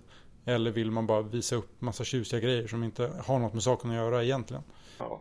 Men, det är, men det är ju som det där shotet i eh, Casino Royale när, de, när Bond kör en eh, Ford Mondeo. Där det verkligen är ett exakt sånt shot kan man se i vilken bilreklam som helst. De Mm. har Ja. gjort det verkligen perfekt så att bilen ska säljas så mycket det bara går. Och det är ju... Ja. Lägg ner bara. Ja, Ja. ja, ska man försöka sälja en bil via Bond så behöver man ju inte, i alla fall inte ta en Mondeo. Nej. Nej, det är lite, lite intressant eh, att han just kör. Han kör ju Volvo i Quantum of Solace liksom. Det är ju inte bra alltså. Jag vet att ni tycker det är bättre än vad jag tycker, men jag, jag nej. Ja, det är ju så obskyrt man- så att man ser det ju knappt. Men det är lite... Ja, men när man ser det så är det Volvo liksom och det är Volvo. I rest my case. Jag tror inte Volvo pumpade in så mycket pengar heller för då eh, Nej, hade, nej. hade de nog inte filmat bilen på det här sättet som de gör. Nej. Man vill ju ha det här att Bond bara hoppar in i en skrotig Renault och drar runt liksom. En Alfa Romeo. Ja, exakt. Oj, oj. Sladdar och... Ja, fan vad vackert alltså. Den enda filmen han inte kör bil är ju Only Live Twice för övrigt. Då får han bara åka med. Ja, han kör faktiskt aldrig bil i hela filmen. Nej, det är faktiskt sant. Mm. Ja, det är väldigt sant. Ja, intressant. Jag har inte tänkt. Den enda filmen som inte har en helikopter det är The Man with the Rolling Gun Annars så har Har alla andra filmer en Ja, helikopter? på ett eller annat sätt På ett eller annat sätt. Alltså, Ja, okej. bakom kulisserna, mellan raderna Ja, jag tänkte det bakom. Ja, jävlar. Ja, Ja, eh, men om vi går till det där med, med klockan då. Det kan man väl säga är lite mer sant än, än föregående myt. Mm. Det som är intressant här är att med eh, ja, gadgetklockan, om vi ska kalla den så, att det började faktiskt inte förrän med Roger Moore. ja exakt. Sean, Sean Connery fick väl ingen specialutrustad klocka. Han hade ju Geigermätaren liksom i Thunderball. Det är Thunderball, precis. Det är det närmaste man kommer. Sen Ja. fick Roger Moore fem stycken i sina sju filmer. Ja. Eh, Dalton fick ingen. Och sen så ju, har samma visa igen. Brosnan gör ett storstilat intåg. Och får en, en ny klocka i varje film. Så att, eh, fan det är Brosnans fel. Jag tycker just med klockorna, där har det blivit mer obekvämt på senare tid än vad Med bilarna tycker Ja, jag att det har blivit bättre men nu I Strifefall har vi till exempel ett par riktigt, riktiga närbilder på den senaste Omegan och i Spectre shots, Ja, jag. i Spectre fungerar det lite bättre Men det är fortfarande lite för mycket Omega för min smak Eh, Ja, det blir ju det. Där spelar ju klockan visserligen någon typ av roll, men ändå Eh, Så där Ja. tycker jag att man ska tona ner, helst vill jag se att Bond går tillbaka till Rolex som det var traditionellt sett Men eh, det är jäkla massa pengar vi pratar om bara Det är det det ligger Ja, i men det är ju just det där shotet i Skyfall när han kör grävskopan på tåget i inledningsscenen. Ja, Då det är liksom en stor jävla... Alltså klockorna har blivit större också. Och jag är ju i praktiken emot stora klockor. Jag tycker det är ganska fult. Eh, men ja, jag tycker, det, jag tycker det skulle vara snyggare om det var en mindre klocka och eh, läder eller tygarmband. mm. ja det för övrigt kan vara bland det sämsta ögonblicket just när det kommer till produktplacering i hela serien För det är det är så tydligt att de, det är bara där för att visa upp klockan Ja. Jag tycker att, jag tycker att Bond, Bond ska givetvis ha en klocka för att det är en del av Bond tycker jag i sin stil och hur han är. Att han har en, ett fint eh, armbandsur. Däremot så har jag aldrig förknippat klockan som en gadget på det här sättet. Det är ju i stort sett bara Brosnan tycker jag som har byggt upp den bilden av att Bond ska ha en klocka som kan Mm. göra någonting Ja. häftigt. Ja. Men jag ser det inte som speciellt bondigt. Nej, Nej. Nej, om vi ser lite så här övergripande hur hur viktiga är egentligen gadgets för Bond-serien? Vi vet ju alla att allmänheten tycker att gadgets och liksom mötet med Q är kanske en del av det roliga. Men hur stor vikt bör filmen egentligen lägga på just gadgets? Mm, Ja, Jag jag säger som jag sa i From Russia With Love tror jag. Eh, att storyn ska ju inte styras av, eh, av gadgetsarna, tycker jag. Jag tycker det ska vara tvärtom. Om det är så jag menar, men det tror jag. eh, att det liksom, man ska inte forma en story efter vilka gadgets man har. Utan snarare gadgets efter vilken story man har. Tycker jag. För annars blir det väldigt eh, upp och nervända världen, tycker jag. Jag tycker att eh, gadgetsen ska vara små och smarta och användas en eller två gånger i filmen i stort sett. I From Show With Love så är det eh, då är det bara en liten attachéväska och ja, geväret används vid en tidpunkt men det hade kunnat varit vilket gevär som helst nästan. Och sen så är det eh, gasgrejen som används. Och det, det är helt perfekt. Sen om man vill slänga in en bil med gadgets, ja, då kan man väl se den som en grej som man gör i The Living Daylights. Där har han en specialutrustad bil som man får användning av i en av actionsekvenserna. Men det är inte massa gadgets överallt genom hela filmen. Det är liksom, ja, släng Nej. in ett par små smarta gadgets alternativ. Någon bil då och då. För en bil varje film har vi kommit fram till att det ska han inte ha. Men om det är någon gång ibland, då kan man ha det och då kan man tona ner andra gadgets. Men mm. någonting litet bara. Det, det får inte ta plats i filmen. Och det blir ju också när väl det kommer om det, när det väl då kommer en ny eh, bil eller en ny klocka i en film. Om det inte har varit med på ett tag så kommer det också uppfattas som mer ikoniskt och unikt. Ja. Och det är det vi ser med till exempel DB5 och Lotusen. De har fortfarande ett klassisk liksom, eh, roll i Bond-serien. För att Mm. de, det, var, det var fortfarande ovanligt i början i serien med en specialbil. Ja, då gick det ju egentligen 10 år mellan varje ikoniska bil egentligen. Mm. Ja, 64, typ. 77, 87. Ja, vem kommer ihåg BMW Z3 nu till exempel? Eller ja, i och för sig jag vet Nej, en som det- kommer ihåg den men Vi har en. Jag är en som kommer ihåg den Nej men eh, för, för mig är det som gadgets Det har aldrig spelat in en stor del i mitt Bondintresse Det är ofta roligt och sådär men för mig är det som för varje bra gadget så finns det en dålig Det är speciellt under Moores filmer så var det väldigt hit or miss Men när det, väl, när det görs bra så är det väldigt bra och just scenerna med Q och allt det, det är ju alltid ett nöje i Bondfilmerna och det vilar ju Ja. såklart mycket på Desmond Llewellyns och nu sedermera Ben Wishaws bra rolltolkningar helt enkelt men kanske inte så mycket karaktären i sig Jo, helt klart. Jo men det håller jag med om och det är också en sån där grej som jag tror att många i allmänheten tänker att om de ska beskriva en Bond där, då tror jag jättemånga skulle få med gadgets väldigt, väldigt, väldigt snabbt i sin beskrivning av Bond. Det skulle inte ta många ord innan gadget kommer upp. Och för en själv Nej. så är det liksom gadget. mm. Det, har, det har ju nästan ingenting med Bond att göra egentligen.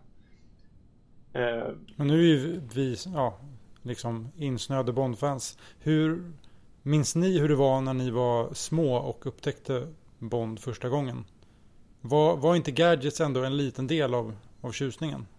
Alltså jag växte upp i tiden med Pierce Brosnan och tv-spelen och fortfarande för min generation så är just laserklockan någonting väldigt ikoniskt. Och den är ju bara med i ja men Dine of the Day till exempel.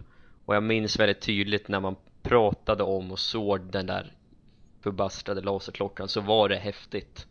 Men eh, och det är ju det har ju helt och hållet med spelen att göra skulle jag tro. Och för att den generationen jag Mm. tillhör men i övrigt så kan inte jag komma på så här på rak arm att det var någon annan gadget jag verkligen tänkte på. Nej, jag var mer fascinerad av själva filmerna i sig. Det var inte så mycket gadgeterna heller faktiskt. Det är väldigt konstigt egentligen. Jag minns väldigt, jag har väldigt starka minnen från Goldfinger och The Man with Golden Gun till exempel. Att jag tyckte det var väldigt häftiga miljöer och häftig, ja, häftigt filmat och ja men det var, det var häftigt bara. Men det var inte alls nästan på grund av, eller tack vare gadgets skulle jag säga. Det var, jag hade nog klockan precis som Emanuel sa, men sen även lite äh, båten i The World is not enough. Men för att forma mitt intresse så var det nog väldigt marginaliserat ska, mm. jag nog tro. Mm. Jo, samma här, samma här. Jag hade också klockan vill jag tillägga i Goldeneye framförallt. Otroligt ikonisk. Nej, jag, jag, kan, jag kan inte heller själv sådär säga att, att det var egentligen gadgetsarna, gadgetsarna som lockade mig. Men man kan ändå få en känsla ibland av att, att de är där för att för att vara lite roliga. Och då tänker man att kanske lite yngre personer tilltalar oss där. Mm. Men det kan ju vara en förutfattad mening från min sida. Att, och från filmskaparna också. Att det kanske egentligen inte behövs fyllas ut med så jäkla mycket. No, det, Nej. det är intressant det också för vi pratade om det i förra avsnittet att vi fastnade först och främst för karaktären när vi var små och såg filmen första gången. Och eh, när allmänna publiken kollar på Bond då är det ju för så mycket annat. Som till exempel gadgetsarna. Det är sällan det kommer upp i diskussionen när vi träffas till exempel och snackar Bond. Jag tror vi aldrig har pratat om ja, gadgets rent allmänt faktiskt och eh, man kan också ställa den frågan rent allmänt Har de spelat ut sin roll i Bond-serien? Till exempel Purvis Wade, manusförfattarna De pratar gång på gång i intervjuer att Nu har ju Bond den bästa gadgeten som finns i form av sin telefon Och då kan man ju fråga sig vad är framtiden för gadgetsarna? Ja, precis. Det är ganska intressant. Jag, jag tror att det viktiga nu är att, är att den gadgetsen som Bond får faktiskt har någon verklig liksom eh, på liv och död egenskap. Att den är liksom essentiell mm. och viktig för det arbete, det liksom agentjobbet han gör. Vad än det nu kan vara, jag vet inte. Jag tycker en sån enkel grej som eh, pistolen i Skyfall som läste av hans liksom, eh, fingeravtryck. Det, det är ju inte så himla speciellt egentligen men det är lite, mm. behöver inte vara så jättemycket mer. Ja men precis, de har ju faktiskt ändå lyckats tycker jag i de två senaste filmerna där de har återintroducerat dem. Så tycker jag ändå det har funkat ändå rätt okej. Okay. Och nu är ju inte det en gadget som så men man skulle ju i stort sett kunna slänga in defibrillatorn i Casino Real med i samma kategori. Mm. För att det är ingenting som man mm. ser och det är en utrustning som tillhör bilen. Ja, faktiskt. Helt klart, helt klart. Jag tycker inte gadgets ska vara gimmickar på det sättet. Då blir det ju bara löjligt liksom. Att det bara är där för att ja, titta, titta vad Bond har liksom. Utan det ska ju vara något som faktiskt får, han får användning för. Mm. Som rebreathern i Thunderbolt till exempel. Ja, och sen att inte actionscenen är skriven för att han ska få användning för den. Vilket Nej, exakt. Brosnans filmer är fullpackade med. Ja. Såna... Ja, bland annat. Men jag tänker typ att hela, hela, heter det, hela biljakten i Hamburg i Tomorrow Never Dies är ju samma grej. Det är ju ja. massor med grejer som bara händer för att Bond ska kunna visa upp en ny gadget. Mm. Ja, och med det så stänger vi uh, mytlådan. Är det redan slut? Tråkigt. Det är redan slut. Har vi någonting om framtiden? Har vi någon potentiell myt? Myt? Ja. potentiell? Att Craig får sparken? Ja men precis, att Craig blir... att Craig dödar Bond? Ja, nej men jag, kanske ingen myt som så men alla de här spekulationerna om att nästa Bond ska bli den här eller den här, att Bond måste vara en kvinna En kvinna? Ja men precis mm. Rent principiellt så är jag emot det för att det går emot karaktären till exempel men kan man klassa det som en myt eller det är en allmän Fast det kommer ju varje gång det är ny Bond på gång. Ja men precis och det är väl Det är ingen myt till folk som tycker Ja nej men precis. det är, det är samma personer så att Bond ska vara en kvinna som säger att Bond är ett kodnamn. Det känns som att man kan bunta ja, ja. ihop dem i en hög. Och nu generaliserar vi ja, men ja. Eh, det, är, det är objektivt Ja det är pöbeln och sen har vi oss Bond-fans. Ja exakt, Pöbis och Wade Nej men eh, det är ju Ja, nej jag, jag vet inte, det är ju Man kan väl säga att eh, det att det är en myt att Craig eh, har slutat. Ja, Ja, Det är väl den kanske... Den, men det har, vi pra- Ja. vanligaste myt. det har vi pratat om flera gånger så det är inte så mycket om ord om det. Det har han ju inte gjort. Det är en Vad myt vi att vi har slutat också. Va? Ja, det är många som trodde, det är många som trodde att vi skulle sluta Jaha. med sista Ja. avsnittet. Det är en myt också. Det är faktiskt en myt. För nu sitter Ja, vi här. ja. Sitter vi här, vare sig ni vill eller inte. Vi, ja. Alltså jag tror på den myten. Ja. Du kommer försvara den till döden. Alternative facts. Tid för podd finns inte längre. Jag läste på internet att Tid för podd har slutat. Vem skrev det? Ni kan säga vad ni vill, men jag tror på det. Rickard skulle skära handleden av sig om han skulle göra en podd till. Om man var tvungen att moderera ett avsnitt. Alltså, Nej. Jag kommer ihåg jag Only Live Twice avsnittet, rest, The Rest Was A Blur. Ja, ja exakt.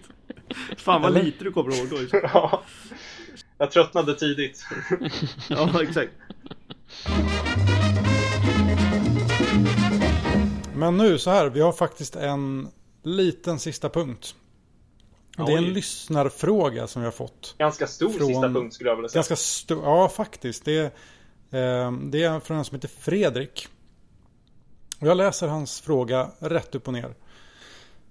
Under Mannen med gyllene pistolen tog ni upp möjligheten att släppa filmerna i en spe- special edition-utgåva. Likt Star Wars, Blade Runner eller India- Indiana Jones. Nu vet jag inte om det ens finns planer på det från Ion. Men det skulle vara kul att höra vilka ändringar ni skulle vilja se.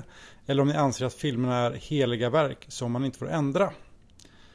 Ändringar i soundtracket under bilhoppet i Golden Gun och snowboardsekvensen i A View to a Kill är ju no- något som kan ändras billigt och skulle nog uppskattas av de flesta fans. Man kan klippa bort kitesurfingen i Die Another Day, ta bort duvan från Moonraker, sätta in gunbarreln i början av Quantum och Skyfall. Um, sen skulle jag personligen ändra musiken under Bond och Galores judoslagsmål. Men när går man för långt? Ska man ändra tabbar, snygga till bristande effekter och blue screen rear projection? Finns det några bortklippta scener ni vill ha med i filmerna? Eh, jag hoppar väl tillbaka till Är filmerna heliga verk? Fast, vad tycker ni om det?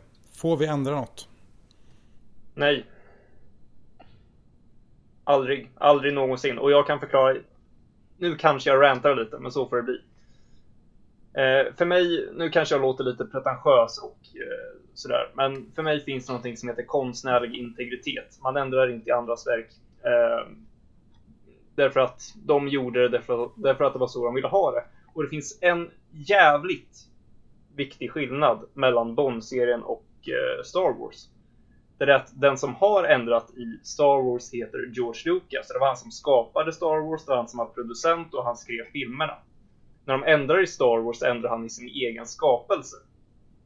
Men om man ska börja ändra i gamla Bond-filmer, ändra i soundtrack, ändra och så vidare. Då ändrar man det konstnärliga verket som de personerna där och då ville göra. Och det tycker inte jag att man ska göra. Där sa du exakt vad jag tänkte säga faktiskt, men du var snabbare på rap. Perfekt formulerat. Ja, jag tycker det. Jag tycker det, det är ju lite, alltså även hur mycket jag än hatar kitesurfingen i Another Day eller Beach Boys, som inte ens är Beach Boys, men California Girls i uh, View to a Kill eller uh, uh, Slide Whistlen i The Man with the Golden Gun eller Tarzan-skriket i Octopus, så, så vill jag ändå ha kvar det för att det är en del av filmen. Och det är en del av charmen med det, hur konstigt den låter. Att jag tycker Ja. att det är charmigt med kitesurfingen i Another Day, Men- men, det, är, det är en del av filmen. Jag menar, En del de- av verket som du säger. Ja, för jag menar de när de gjorde det där bilhoppet i Golden Gun. De har med Wissen för att det var så de ville ha scenen. Exakt. Sen kan inte vi komma och ändra det, eh, även om vi gärna vill. Sen är väl kanske Nej. det en av de grejerna som jag hade protesterat minst mot. Om det, jag hade nog inte protesterat alls, men jag hade, Mm. det är ingenting jag hejar på. Däremot så finns det ju en annan grej och det är ju så här om man ska ändra små missar som kanske inte har så mycket med konstnärlig integritet att göra och det har man ju faktiskt gjort. Ja, Eh, absolut. Exempelvis i eh, Goldfinger där man på de senare utgåvorna inte ser den här lilla tråden som håller i planet. Som man kan se på gamla Mm. utgåvor. Ja. Eh, det tycker jag väl är väl någonstans okej. Men klippa bort scener, ändra i musik. Ah, Nej. ja, nå- någonstans så ringer det illa i mina öron. Men om man eh, ser det så här. Skulle det finnas en positiv grej av det hela. Om, till exempel om man då tog bort visslan i Golden Gun. Om det skulle få nuvarande publiken att mer acceptera de gamla filmerna. För att just sådana saker som, som vi kanske nu skulle uppfatta som lite fåniga. Skulle det finnas något positivt med, med det? Nej. Just den, den enskilda grejen kanske. Problemet är att det finns ett sluttande plan där. Okej, nu tar vi bort Wissen. Då klipper vi bort Mantalk eh, grejen i Goldfinger som alla hatar. Alltså, hur mycket ska man ändra? Vad är okej? Vad är inte okej? Alltså, ändra bara inte säger jag. Ja, man ska inte katera till nutiden på det sättet eller till den moderna publiken bara för att värderingar och synsätt ändras. Jag tycker vi ska låta det vara som det är och nu är det ju inget jättefarligt eller på det viset i Bond-serien med att man helt enkelt kan lära sig någonting av det eller sådär. Man ser ju utvecklingen då. Ja men precis, man kan se att den här filmen är skapad på den här tiden och vad, hur långt har vi kommit från den tiden? Varför gjorde de så här? Och att man istället analyserar varför det är som det är och just, ja men slide i The Man of the Golden Gun är ju till synes svårt att förstå varför den är där men samtidigt John Barry kom med idén Guy Hamilton godkänner den och sen gick det uppåt i hierarkin och alla godkände det för att det skulle vara en bra idé. Och som Emil säger, man ska inte gå in och ändra saker i efterhand för att det förstör det som faktiskt gjordes. Och eh, ja, ja då kan man ju lägga till i all oändlighet. Med det sagt däremot så så har de ju varit nära att ändra mer radikala saker till exempel ta bort den här eh, speglingen i fight-scenen i The Man with the Golden Gun där man ser filmteamet till exempel och sådär men mm. eh, jag hade, hade jag lekt med idén och bortsett från min princip så finns det egentligen någon enskild sak här där man hade velat lagt till och det är väl typ jag hade velat sett en middagsscen i Spectre till exempel i Blowfelds bas men det är ju som saker man aldrig kommer kunna få in någonstans för det finns inte men sånt får man helt enkelt efterkonstruera sitt eget huvud om man så vill Ja, det enda jag kan köpa är ju att man, man gör just filmerna Ja, rustar upp dem rent tekniskt liksom, det kan jag köpa men Att man liksom snyggar till eh, back projection och sådana saker, det är ju en sak men inte ändra saker som var där. Ja, jag är emot det också faktiskt just när det kommer till back projection och sånt för det är en del av de gjorde det på det viset för att det var det de kunde göra men sen ja. Ljudeffekter, ändra lite färg skärpa till det lite här och där. Ja det är väl så långt jag kan tänka mig då ja, Bond i Blu-ray är fan grymt ja. alltså. Samma här faktiskt. Uh, sen skulle jag bortse från mina principer att man leker med den tanken. Så säger jag bara bort med visslan gör om musiken i uh, A Beauty Kills pre-title uh, klipp bort hela den sekvensen som eh, som frågeställaren nämnde, vilket var kitesurfing-grejen. Eh, det finns mycket man kan leka med och klippa bort. Eh. Klipp bort hela Island. jag tänkte ja, exakt. Klipp bort hela Island. Nej, men det, det finns Ta ju, bort dad. Det finns mycket man kan, eh, man kan göra.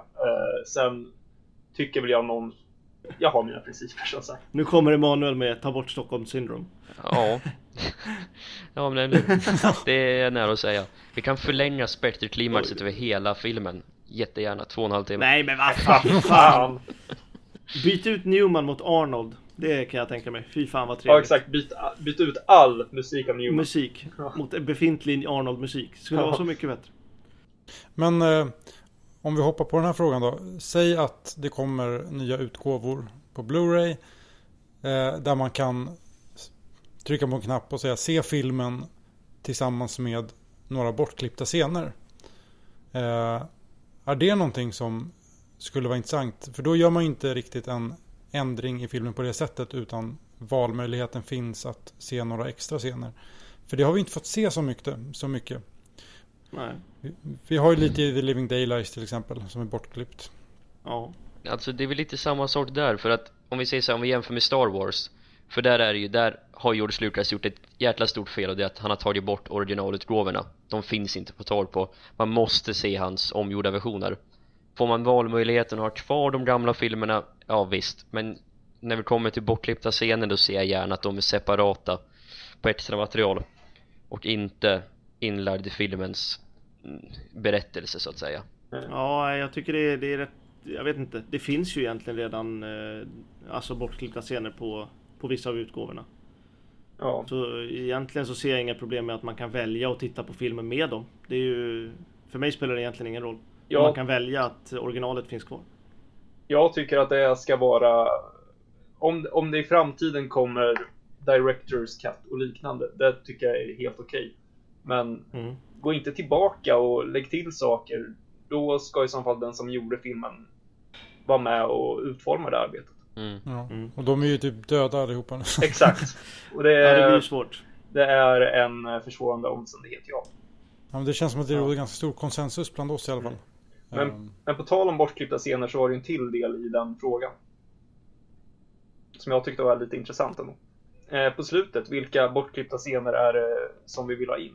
ja, men det hänger, ja just det. Ja, det hänger ihop med den frågan. Ja, och när jag funderade på det så kommer jag egentligen bara fram till ett par scener. Och eh, alla de scenerna är egentligen i samma, samma film och det är Diamonds Are Forever. Där finns det bortklippta scener som jag tycker är helt huvudlöst att de blev bortklippta. Därför att Diamonds Are Forever är en helt obegriplig film och de är obegripliga därför att man klippte bort scener som förklarar filmen. Ja, exakt. Ja. Exempelvis eh, när Wint och Kid dödar Shady Tree så har man klippt bort dialog som förklarar varför. Och det är, Mm. det är helt, ja det är helt obegripligt. Samma sak med Plenty när hon ligger i, Trey, i Trey, Tiffany's pool. Det är också Ja, väldigt ja märkligt. exakt. Alltså det, det, Ja, vad fan gör hon där? det finns mycket som är bortklippt där som är jättekonstigt varför de har klippt bort. Ja. Sen är ju filmen konstig ändå, men... Ja. Ja. Sen, eh, men däremot scener som jag tycker är bra så. Alltså det finns ju en del bra, bra scener som är bortklippta men som jag kanske ändå inte hade velat ha i filmen. Eh, Det finns bra scener i Goldeneye som är bortklippta. Mm. Eh, Bland annat i Pre-Titan var ju från början längre. Och där Han klippte man. smyger runt där och grejer. Ja, exakt. Innan han öppnar själva stängslet och springer ut på Ja. dammen. Så är det ju en sekvens Mm, innan där som är bortklippt. Och den är rätt så bra, men jag vill nog ändå Faktiskt. inte ha den i filmen. Och sen finns det även en, en till bortklippt scen med, eh, med eh, eh, Valentin Tchaikovsky. Som är bortklippt. Ja, Jag hade gärna sett eh, lite mer på eh, MI6 i The World Is Not Enough. När han springer där och skriker och det hade varit jävligt trevligt. nej det vill jag inte se mer av. Helst inte. han springer upp för trappor och ner för trappor och in och skriker och. Skriker och svettas Jag ska tvinga dig, jag ska tvinga dig att se den. ja, exakt. Nej. Eller när Nej. Timothy Dalton åker eh, matt, flyger en matta där och grejer. Ja. Ja, men, Nej, det, jag skojade lite faktiskt. Okej, ja, för mig är det grejer från Quantum of Solace, saker som kanske aldrig blev filmade men saker som fanns i alla fall på manusnivå som jag hade velat sett och eh, det är sånt som grämer mig lite även fast det är min favorit Bondfilm så vet jag att det finns en hel del som skulle kunna göra den bättre och sen, det finns ju en kittlande scen som man tyvärr inte har sett, för den har inte släppts. Men scenen när George Lazenby har sin takjakt. ja, just det. Men den har man inte Mm. sett hur den ser ut, så det är ju svårt att säga om man vill ha den eller inte. Eh, Potentiellt vill man det. potentiellt. Men eh, Mm, ja. problem, problemet är ju att de aldrig filmade klart den heller. ja. Men eh, intressant, ja det finns ju stillbilder från den men inte eh, film. Mm. Någonstans kanske ligger i ett arkiv och väntar på att dammas av. Eh, nej men det var ju som Emanuel sa, det finns ju scener är ju bortklippta av en anledning och när man tittar på bortklippta scener, det finns ju massor som man gillar men de gör ju inte filmen bättre. Förutom då DAP-scenerna. Så Ja. egentligen finns det väl inte så jäkla mycket jag vill, jag vill ha in. Jag hoppas ju att vi någon gång får se fler bortklippta scener för det finns ju och jag hoppas att E.ON släpper en super ultra mega edition någon gång i framtiden på alla filmer för de, de vi har just nu de är ju sedan 2006 så det börjar bli lite gammalt känns det som Jag tycker Special Edition fortfarande har det bästa bakgrundsmaterialet. En, hur många timmar var de hade på Thunderball? På Special Edition? Nej, alltså som de filmade Ja, när de började. Ja. Var inte det typ de hade en fyra timmars film? Fyra timmar, ja exakt. Ja. Ja, You Only Live Twice, tre timmar ja, släpp allt det där bara. Jäklar. Fan vad gött. Ja, Fatta att det var bara, trevligt. fatta och sitta på Bahamas i två och en halv timme. Fan vad härligt. Då myser Rickard. Då får filmen 13 av 10 av Rickard. Ja, Oavsett vad de lägger till. Det hade ju varit, eh, det hade ju varit liksom julafton att få sådana utgåvor. Ja, faktiskt. Jag hade bara velat se scenerna. Jag tror som Emil, de flesta scenerna hade nog inte gjort filmen någon nytta liksom så. Men det hade ändå varit kul att se dem. Nej men det är är- bara liksom att få se bara det bortklippta materialet för sig hade ju varit Exakt. liksom hade man suttit och jäklar. Men jag hade gärna sett lite bortklippt från, ja men Älskade spion som jag har kollat mycket på när jag var liten liksom. Och andra film, Moonraker och sånt. Det finns säkert mycket de har filmat som inte kom med liksom. Så det hade varit, det hade varit kul. Ja, och det tackar vi Fredrik för den eh, Ja, verkligen. ja, väldigt intressant fråga. Ja. Eh, och så har du fått höra våra ståndpunkter kring, kring det. Och eh, med det så tycker jag att vi tackar för oss för den här gången. Ja, Och jag vill i vanlig ordning tacka Thomas Drugg som stöttar oss. Lars som envetet producerar våra loggor. Och Anton för utmärkt klippning.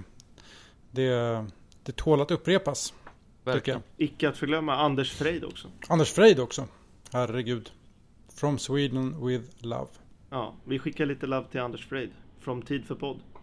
Underbara personer. Ja, exakt. Alla de där fyra är underbara människor alltså. Vi känner dem mycket väl allihopa faktiskt. Och så fortsätter vi ju att be er att följa oss på Facebook, Twitter och Instagram. Eh, skicka frågor, vad som helst. Skicka någonting till oss. Dickpics. Signerade kalsonger, ja vad som helst. Vi finns på Snapchat. Nej. Vem ska ha hand om Snapchaten om vi ska... Vi är Rickard. Ja, jag tycker Emanuel ska nog ha den ändå. Emanuel är den mest Snapchat-aktiva av, av oss. Så är det. Ja, ja absolut. Ja, han är yngst. Det där, det där är ett socialt medie för din generation. Ja, men han är så Ja, extremt han är så extremt aktiv på eh, Snapchat. Ja, alltså. det är där jag finns. Sinnessjukt. Så vill ni skicka nakenbilder så är det dit ni ska skicka dem. Bara till Emanuel. Ja, ja. Vad Ja, händer nej, nästa men- gång då Rickard? Nästa avsnitt, då träder vi in i rättssalen och låter Emil, som är något av en expert på ämnet, eh, redogöra för Bondseriens bataljer i puderperukernas mystiska värld. Och med det så tycker jag vi säger på återhörande. Så ses vi nästa gång och hörs. Ja, då är det rättegång nästa gång. Fan vad kul. Ja, nej, men vi, ja, det blir trevligt. Det blir trevligt. Mm. Eh, vi, eh, ja, tack för frågan Fredrik och tack alla som lyssnar och tack alla nya som har tillkommit sen senaste avsnittet. Förbaskat roligt. Verkligen. Eh, tack för idag. Vi eh, hörs och ses och puss och kram. Nyp i stjärten. Ja, tack så mycket allihopa. Eh, till nästa gång. Ja, tack och hej och ciao!